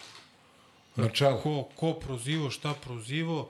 Pa Marcello, znaš, on trebalo je to, nije došao niko iz ovih 187, onda je on pustio ovaj, krila i kao počeo da priča to, ej, te više fore, te mangupske, kao jedan pirke je morao biti ubiven i to kao ovo ono, kao toga mi je muka. Uglavnom kao da aludira na neku našu pesmu, što smo, mi imamo jednu pesmu, ono još to iz tad 2000 koje treće, gde je imao tih, između, ono, među semplovima ima Kristijanov, ono, ali ne u smislu veličanja kriminala, nego ta pesma je ono kao samo govori objektivno o kriminalu kao takvom, nebitno, i ja tu mene pukne neki, ovaj, da kažem, neizdrž, pr pritom što sam još tada i prestao da radim pod ne, ne baš lepim okolnostima na tom radiju mm -hmm. i ja zapucam pravo tamo, prođem kroz... Dobar dan, dobar dan. Dobrao, dobar dan. Dobro veče je bilo. Dobro večer, dobro večer. Ovaj, prođem pored tonca, onaj tonac onako, brate, lego preko one miksete, razumeš, u frci da ću ja sad tu da prevrnem pola studija. Bez obzira što me čovjek poznaje i što smo dobri drugovi, ne znamo dakle mu ta ideja, nema veze. Ovaj, to je jako dobar drugar i pozdravljam ga puno. Verovatno si imao prilikom- lica kao anđeo. Pa verovatno pa sam je- izgledao tako, da. ovaj, I sad ulazim ja unutra. Marcello, mislim, on dečko umeđu vremenu, sad je čovek već, mislim, tad smo mi bili klinci, a on je dosta mlađi od nas, pa onda ta razlika u godinama tad još više bila ono, što se kaže, istaknuta.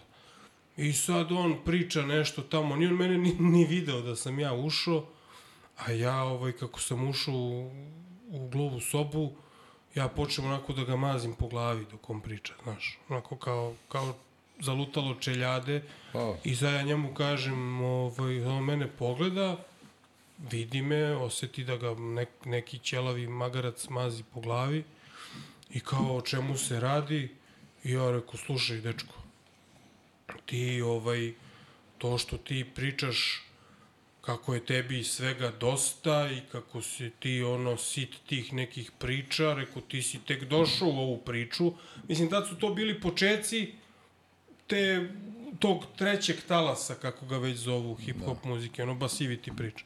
To je kada on bio Ovaj- došao iz Paraćina, u principu, pa posle Tako, par ne, godina. ne znam da. sad već tačno. Da, da, dobro, nema veze. ono, ovaj, i ja rekao, druže, ja sam bre ovde tebi ut, utabavo stazu, ti si sad došao na moje ono godine cimanja i ti sad pričaš da tebi ne, nečega ono već pun kurac kako. Razumeš ono? Međutim, on dečko kaže, ovaj, brate, pa kao ne, nisam ja vas ništa prozivo, ja sam vas čak ono, semplovo sam neku je vašu pesmu, nemam ništa protiv ovo ono. Znači, postavilo se da, da ovaj, možda meni ova moja tadašnja devojka nije najbolje prenela informaciju ili već se, nisam ja sad mogao bu, da budem siguran u tom trenutku da li je on dečko ovaj ovamo stvarno prozivo pa se malo ovaj zaprepastio kad sam se ja pojavio ili u stvari me uopšte nije prozivao nego je to sve ispalo tako ono nego ja glumim debila u celoj priči. I pošto je to moj inače životni moto takav da ja ono volim da i kad ono i kad napravim grešku da ono što, do kraja što se kaže oližim kašiku i onda kažem ok ako ako nije bila prozivka, ako mi nemamo problem, onda ovaj super, onda mi je baš drago, onda izvini, onda sam ja ispo ovaj bez ob, bez potrebe ono nešto što ne treba da budem. I ništa, ostanem ja da sedim sad tu u emisiji i sad javljaju se ovi slušaoci i ono kao fazon Znaš, jedan kaže svaka čast, skapirao sam, ono, nesporazum je, lepo ste prevazišli to, drugi kaže, alo mare, brate, šta si se utripovo, nije te dečko prozivo. Uglavnom, sve je ostalo na, ono... Znači, sve je bilo okej na kraju, jel? Jeste, čak smo razmenili i brojeve telefona i sve, ono, bog zna kako. Dobro, to su već neke intimne stvari, ja ne bih sad... Ovaj, nismo, nismo imali neke posle toga neke prilike da se sretnemo, niti da nešto snimamo, niti da već, ali kažem, ono, ispolo je sve okej u tom smislu. Sad, da li, je, da li je bilo ovo ili je bilo ono, ne znam, ne mogu da tvrdim. Znači, nisam...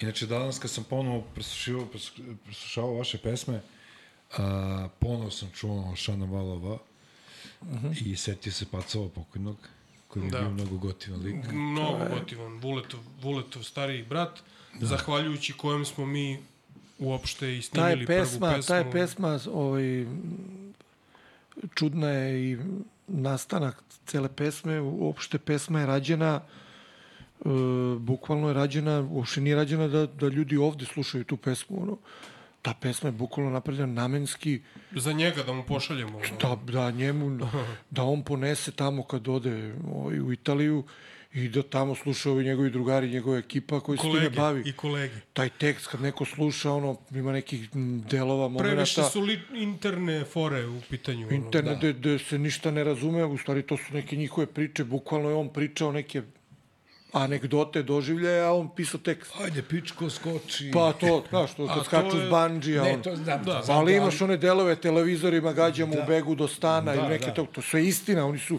jurela ih Murija kroz Milano, oni bacaju neke televizore iz kola na pandure, mislim. Znaš, ono, Ako se ne vrem e, u spotu ili negdje sam video baš kad je on skakao valjda sa... I ima, sa, ima snimak sa, Ima sa taj San deo, Sira, tako sa da San to se Sira. sećam, dobro, nisam Skak, skaču sa. To sa, je mnogo pre nego što je bungee jumping ono uzeo sa severne ono- tribine San Sira su skakali, ali na ulicu, ovamo na beton, to je nekih 50-60 metara, ovaj, i onda oni se zajebavaju tako, ono, ovaj, ko, ko se popne, onda ga ovi od ozdo zajebavaju, ajde, pičko, skoči, Skoro, kao naš. skoro sam se video sa. Kizom, go, gostovali smo još na RTS-u povodom ovog filma Gru tu je i tako dalje, baš su pričali o toj temi ovaj, ekstremnih sportova i svi već znamo o Gruovom, ono, što se kaže, afinitetu prema tome.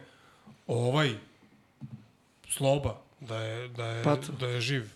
Znači, to je tek bio adrenalin junkie. To je, znači, kažem, ta, taj skok, sa, taj ban, bungee, taj San Siro stadion, to je bilo bre Pa koja da, u stvari, godina, ovo je u stvari onaj neki njegov 90, drugar, Treća, četvrta. Pacov je gore i ovaj ga vezuje, onaj žabar mu vezuje ono da skoči, a ovaj ga od ozdo zajebava, ajde, pičko, nemaš muda, pičko, da, da, kao to, naš, kao, ima, ima loži ga. To. Ali da. meni ono što je bilo fascinantno, ja uvek sam ga, da li sam možda imao sreće, definitivno sam ja imao sreće, ali uvek sam vidio nasmenu. uvek je Ma, bio, to je- Ma, "E, ludak, Džano, on je bio- matori, šta Ako je radiš?" neko, ako je- je neko harizmatičan čovek, to je Da, on. da, da, To je, definitivno. to je ludilo, stvarno. On je nas zvao reperi jazavci, kad nas vidi. Gde ste reperi jazavci? Znaš, i tako nas zajebava uvek. Ono, Ma, uvek ima Uvek neke baš zajebancija. njegove lične fore, ono. Da. Ali to je mi staro- baš je ostavio utisak. Ono što ti kaže stari brat. Pa Ma, što? to, se, to se ne zaboravlja. To ostaje u srcu uvek. Tako da... Ja mi Nije klinci. bio samo Vulek Ja stari brat, nego i nama. Mislim, Klinci. ne znam šta. Da. klinci i on sam prođe i ovaj rad. Biraj prst, a pokaže ti jedan. I kao šta, da ti lupim macolu. Vidi, kad ti lupim macolu, ja klinac, ja stojim, kad opalim macolu, ja sednem. Da, da, da. Čulo, brate, zvori glava, ono pola sata. I da, što bi se reklo, i njemu, i, i, i Daliboru pokojnom, i Banetu 187, i mnogo ima ljudi koji, nažalost, više nisu s nama, koji su prerano otišli, znači, Ma, ali, eto, između ostalog, što Nažalost, to je život. Kaže, da, i što kaže Jebi J. Cole lepo, ovaj, ako možemo na bilo kakav način, čak i uz ove emisije, da ih nekako živimo, meni je to samo naj, naj, radili. najtužnije Pa ja što... sam u fazonu koga god tako pomeneš u nekom lepom ovaj kontekstu. Ga barem tako je, sekund. daš mu malo ono, da se Meni ne je samo- zaboravi. Meni je samo najtužnije, ono, baš me muči ta, ta, ta misao što to je stvarno onih 90. godina, ono, šta god ovi, ova deca što smo pričali, što ne znaju danas, što misle da je tada bilo cool, stvarno nisu svesni toga, mi, mi možemo da se setimo koliko je bilo lako izgubiti glavu ono, u, u trenutku, u, u danu. Da, da, da. I toliko je, mislim, to, toliko mi je... To, Ja se sećam, mi smo ono klinci bili. svi oni su, samo da završim, izvini, Izvini, evo, ja te jako prekidam, ću izvini. biti kratak. Znači, svi oni su pregurali te odvratne 90. ono, i nažalost, ostado smo bez njih posle svega toga kad je se koliko toliko to bar ono Zato, Šta Znaš šta bili? hoću da kažem? Šta Nije, je nije ipak koliko god je sada ono ispaće sada da negde ono kao branim režim daleko od toga. Ovaj ali u nekom smislu je sada i gore i, i teže je vreme i globalno je teže vreme i tako dalje. Od 90-ih je stvarno ono toliko od ljudi bilo zapad, da. toliko ljudi bilo naoružano, toliko puta ono si bio u situaciji da neko potegne oružje na tebe u, Plus ovi u ljudi su svojim se nekim vraćali sa rata. Kako se Ranim- zvala diskoteka, ona u šteku? godinama. U šteku, kad izlaziš iz bioskopa doma sindikata, izađeš u taj ćumec tamo. Promocija. Promocija, bravo. Promocija. Išli smo, neko je snimanje bilo, šta je bilo, sa Gruom smo bili. Sa gruvom, novogodišnji program. Najnormalnije, no bravo, mnogogodišnji program, neki mi, idemo s Gruom, bili tamo, da, meni Gru daje torbicu, torbici, prangija, najnormalnije. Gru nosio pištolj, Dobar dečko. dan, dobar dan. A to je bilo najnormalnija stvar, kao pričaju mi, najnormalnije, kod mene stoji torbica, tetejac. Pa jeste, ali Sve Gru je nosio dečko sa dozvolom pištolj, nije ga potezao na ljude. Ja pričam Ne, o on tome... je nosio dečko, Ja pričam o kurčio, tome... nego ali, ali ko ću ja kažem, to je bilo Da, da, da. najnormalnija stvar, ništa, kao dao bi, ja kao važi, kod mene stoji torbica, ništa, ono. Evo kažu, da. Evo kažu ljudi, počelo da pljušti. A, da, pa Da. tako. Ovo, inače, pitanje za vas dvojicu, jebi ga. Pobeže. Ne, ne, vidim, ali ne mogu tačno da vidim ime. E, izvinjam se čoveku, uz hvala što je pitao. Kako ste vi gledali na drugi talas repa koji se pojavio od 2000 na ovamo? Znači, vratno misli čovek na sindikat i... A, vidio sam to A to pitanje. je zapravo treći talas. Prvi talas je, uh, prvi talas je ono, Budweiser, Who is the best, bez kaucije i ti bendovi. Mhm. Drugi talas smo mi. Robin Hood, Sia, Sunshine. Sunshine sa Green Cool Pass i prvi talas. Da, da. Sa Sunshine, Sunshine, drugi talas. Da ne navodim dalje, Rita Matek, bla, bla, bla. Pa tako ako gledaš, onda, onda posle Gru. možda kažeš da je sledeći posle Gru. bio. Gru je bio otprilike, on je bukvalno Gru, je nedelju dana pre nas izbacio, Posle nas. pre nas. Posle nas. A ne za se Briliću. Posle nas. Seća, nije, nije nam bila gotova pesma mm -mm. i bio je pravo u raj, je doneo na getu. Mm -mm. Mi smo doneli ovu, ovu A onda je, dobro, nije ni bitno, ne godine raspleta, a, a Gru je uradio pravo u raj malo pre što smo mi doneli ovu, ovu Gledali smo greške. kao i na svaku I onda smo konkurenciju. bili prvi na godišnjoj listi ovaj, geta sa sudbina pravi greške. Nas Gru sretni kaže, ljut sam na vas. Mislim da. u šali, naravno. Ovaj, To ja nikad nisam mogao da skapiram za tu pesmu, da li je sudbina pravi greške ili sudbina prave greške. pravi. Pravi. Znam, znam, ali... Da. Ja mislim da sam u jednom emisiji rekao pogrešno. Inače, pesma, mogu da ovaj, direktno kažem, inspirisana pesmom od ritama tek Šorci, brate, da ti kažem nešto o zločinu koji je izveden vešto, reci Godfather. Au, bre, ali pesma budi glasan. osam minuta, brate. Ritama tek mora. da Pesma uvek 8 bude minuta, jasan. bre, što mu traje. M- Jedan m- mladi za umiranje. Šetao A, po sam Mladi ja za umiranje. Je tako? Tu Young E, to Die, da. Je tako? Da, Mladi za umiranje. Tako se zvala pesma. nije, Kako se zvala pesma? nije, nije, nije, nije. To će pričati Coca kad dođe u emisiju. Short Z. Uh, nije. Kako to je Tu to? Die druga, druga pesma koja se bavi ono kad, kad pogine ortak, kad ono liči na Six Feet Deep. Ovaj, Ceo taj dan, ja tako sedim je, sam. tako je, to je No, druga vidno pesma. nadrkan. Tako je, to je druga pesma. Ne. A, a ovu pesmu koju ja uporedim sa A, nije Sudbina to, pravi ta, to greške ja, je Da, da. druga, ali sam zaboravio ime. Godfather je tad bio malo pod uticajem MC8-a. Pa dobro, naravno, da. Pa ko nije bio pod Jest. nečim uticajem? Dobro, MC8 Ja, je- ja heroin, ti MC8 je bio onaj- Tupac, ti Gangstar. Ja sam se ložio na Everlesta najduže, ono. Da, to je taj Soul Assassin mm. tipa, da. Od, otud iz Šta strip, mislite strip o Nišu? ali posle Tupaka. Nišu, Smederevu i tim mestima gde ste Reperski gradovi maksimalno. U Nišu nismo, nažalost, nastupali, ali imamo ove momke tamo. Bili su oni Ding Dong, bili su... Imamo momke tamo. Pa Čuti. ne, ovi bre, što se poznaju. A Marcello i ja razmenili telefone. Da, jesam, da. Misli da to ide? E, bre, je. A ti si neki PR, ti ne znaš ni Padaju sve maske kako odmiče emisija. To, to. Paske su pale. Paski su male. da. A pogotovo sa Đakić kad se obogatio, tek ćete vidjeti A, da, moje memoare sledeće To, to. nedelje. Ovaj, pa i u Smederevu su bili isto oni uh, To Be For Time, tako već? I s njima imamo U, da, jednu To je pesmu, da. bend. Da. Tako da šta, do jaja, bili smo... Momci, hoćemo da perkinemo kad je najslađe, ono. Ajde, ja ne mogu to da verujem pa da je koliko? prošlo tri sata. Je. A, u, bok te. Da, da, u četvrtom satu smo. Tri sata je prošlo. A mi... Ja Vreme mislim, leti kad se mogli bi zabavljaš. još tri, lagano. Ma, kažem, Ali kažu mogli sam- bi u serijalima. Da, kao što sam rekao, kad je bio Đusko, ovaj, pošto nismo načeli neke teme, onda smo rekli da ćemo da uradimo kao što ima hip hop, im 1, 2, 3, 4, mm. da ćemo raditi sa Đusom Đus 2 To, intervju. Tako ćemo Ja raditi- vam iskreno želim to preselenje da vam bude što skorije. Ako kažete će bude bolje od ovoga, onda je stvarno Ne, bit će, bit će do jaja. pa jedan najboljih studija u Beogradu, ali To vam ne znam želim. koliko smem da pričam o tome. I Uglavnom, zovite na uselenje, što bi kada se budete reklo. vidjeli ne samo Geto podcast, nego sve podcaste kako će izgledati, ja ne smem da najavljam neke stvari Ja za sam i Geto, sad je bio, njemu sam pričao u kolima, bio sam spremio ti ponesem jedan prezent i na kraju rekao, aj neću glupo mi otku znam, ali ću ti dati, ne, nije ništa specijalno, ali za... pazi čoveka, do, za ambijent. sam ti dam poklon, ali rekao, aj neću Sad, ja sam sad, glupo mi. sad sam ko jedan moj Znaš kolega. kad je moj ćale došao 90. godine, otišao u Italiju nešto, ono, u sred onih, kaže, znaš kakav sam vidio, ja klinac, ono, 10, koliko sam imao, 12 godina. Znaš kakav sam vidio luk i strelu, ej, ti bi poludeo, ali nisam ti kupio. Pa nema veze, ovo Htio čeka. sam ti donesem Ali poklon, ovoga super, čeka, ali to je kao, njegovo, to sam jebi ga. Mhm. namenio za njih ovde za emisiju mm -hmm. i to je to. To je... Nego samo rekao, ajde, ne bude, ne znam, ono... Jeste, el, Ništa, onda će da bude poklon za preseljenje. Tako je, kad se Ali presela... ako nas budeš zvao da, da gostujemo, ovaj, ako, se, ako se usudiš da nas zoveš ponovo, ovaj, odmah da, da kažemo svim dra, dragom gledateljstvu i vama domaćinima, nemamo ni jedan sopstveni instrumental. Tako da band Sia koji voli da repuje uživo nije u prilici A da, da ništa. repuje uživo. Možemo samo ako ovaj, organizujemo to... pevati preko samih sebe.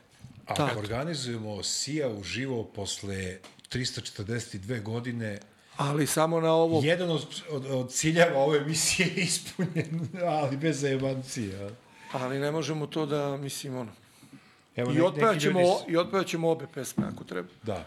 Da. Ko je prvo? Prvo jednu Obe. pa drugu. Prvu pa drugu. Da, pa Tako je. lepo je. Uzeo sam pare, paze sam uzeo, pare sam uzeo. Da, pa okej, to je sad šta. Da, bom. To se radi.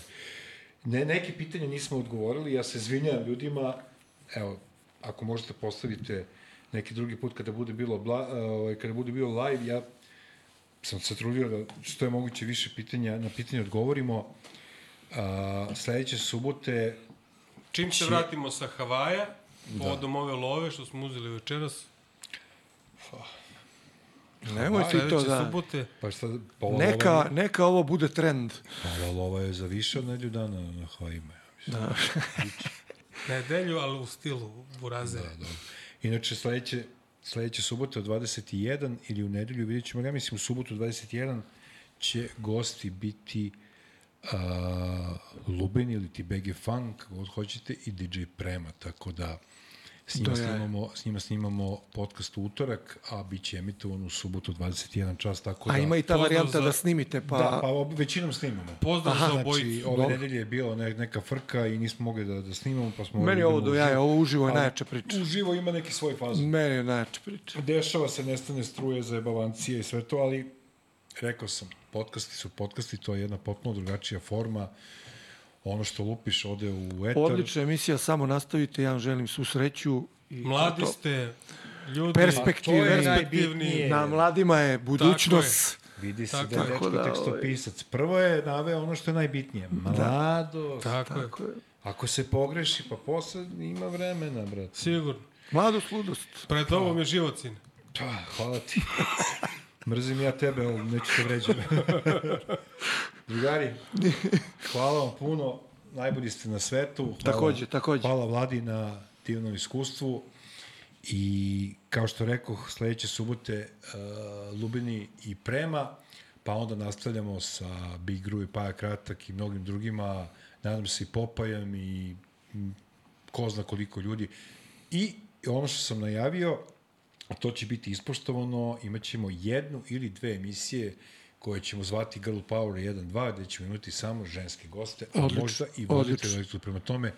Potvrdila nam je Sandra Pajović, mislim da će doći i Son, Sonja, naša drugarica, Sonja mi te volimo, Sonju, Sonju, koja je bila obavezno nešto pozovi. malo bolešljiva, da se prehladila, ali doći će Sonči, ovaj, uh, Mimi Mercedes, ima još tu, ima Ana Mirković. Do jaja, do jaja. Ima DJ Minimize, ta devojka iz Grocke koja fenomenalno skrećuje, koja ubi, tuci ubi. I nadam se da, da, da, da su je primili na, na među, među najboljima za svetsko takmičenje u DJ-ingu, tačnije u skreču. Ona e, je zahvalila se vrlo ljubazno, ali je rekla da ne pojavljuje se još uvijek previše u medijima, ali da i ona kapira da mora malo više se pojavljuje, tako da e, planiramo da napravimo neku dobru zajebanciju sa 4-5 devojaka koje bi ono pričalo o svojim događanjima, a sve su, ve, sva su vezana za hip-hop kulturu i opšte za urbanu kulturu u onom pozitivnom smislu te reči. S vama bili Marko, Marko Vlada, MC Best. Hvala Volimo svima vas. koji su, hvala svima koji su izdržali. Tri Da. čuke, udarnički. Da. Pozdrav. I, I da, da, da ne zaboravim samo da se zahvalim svim, apsolutno svim ljudima koji su slali pitanja i preko Tako društvenih je. mreža i večeras preko YouTube-a i moje najiskrenije izvinjenje ako neka pitanja nisam pročitao. Svako dobro, ljubimo vas i živi bili. See ya. I know you gonna dig this.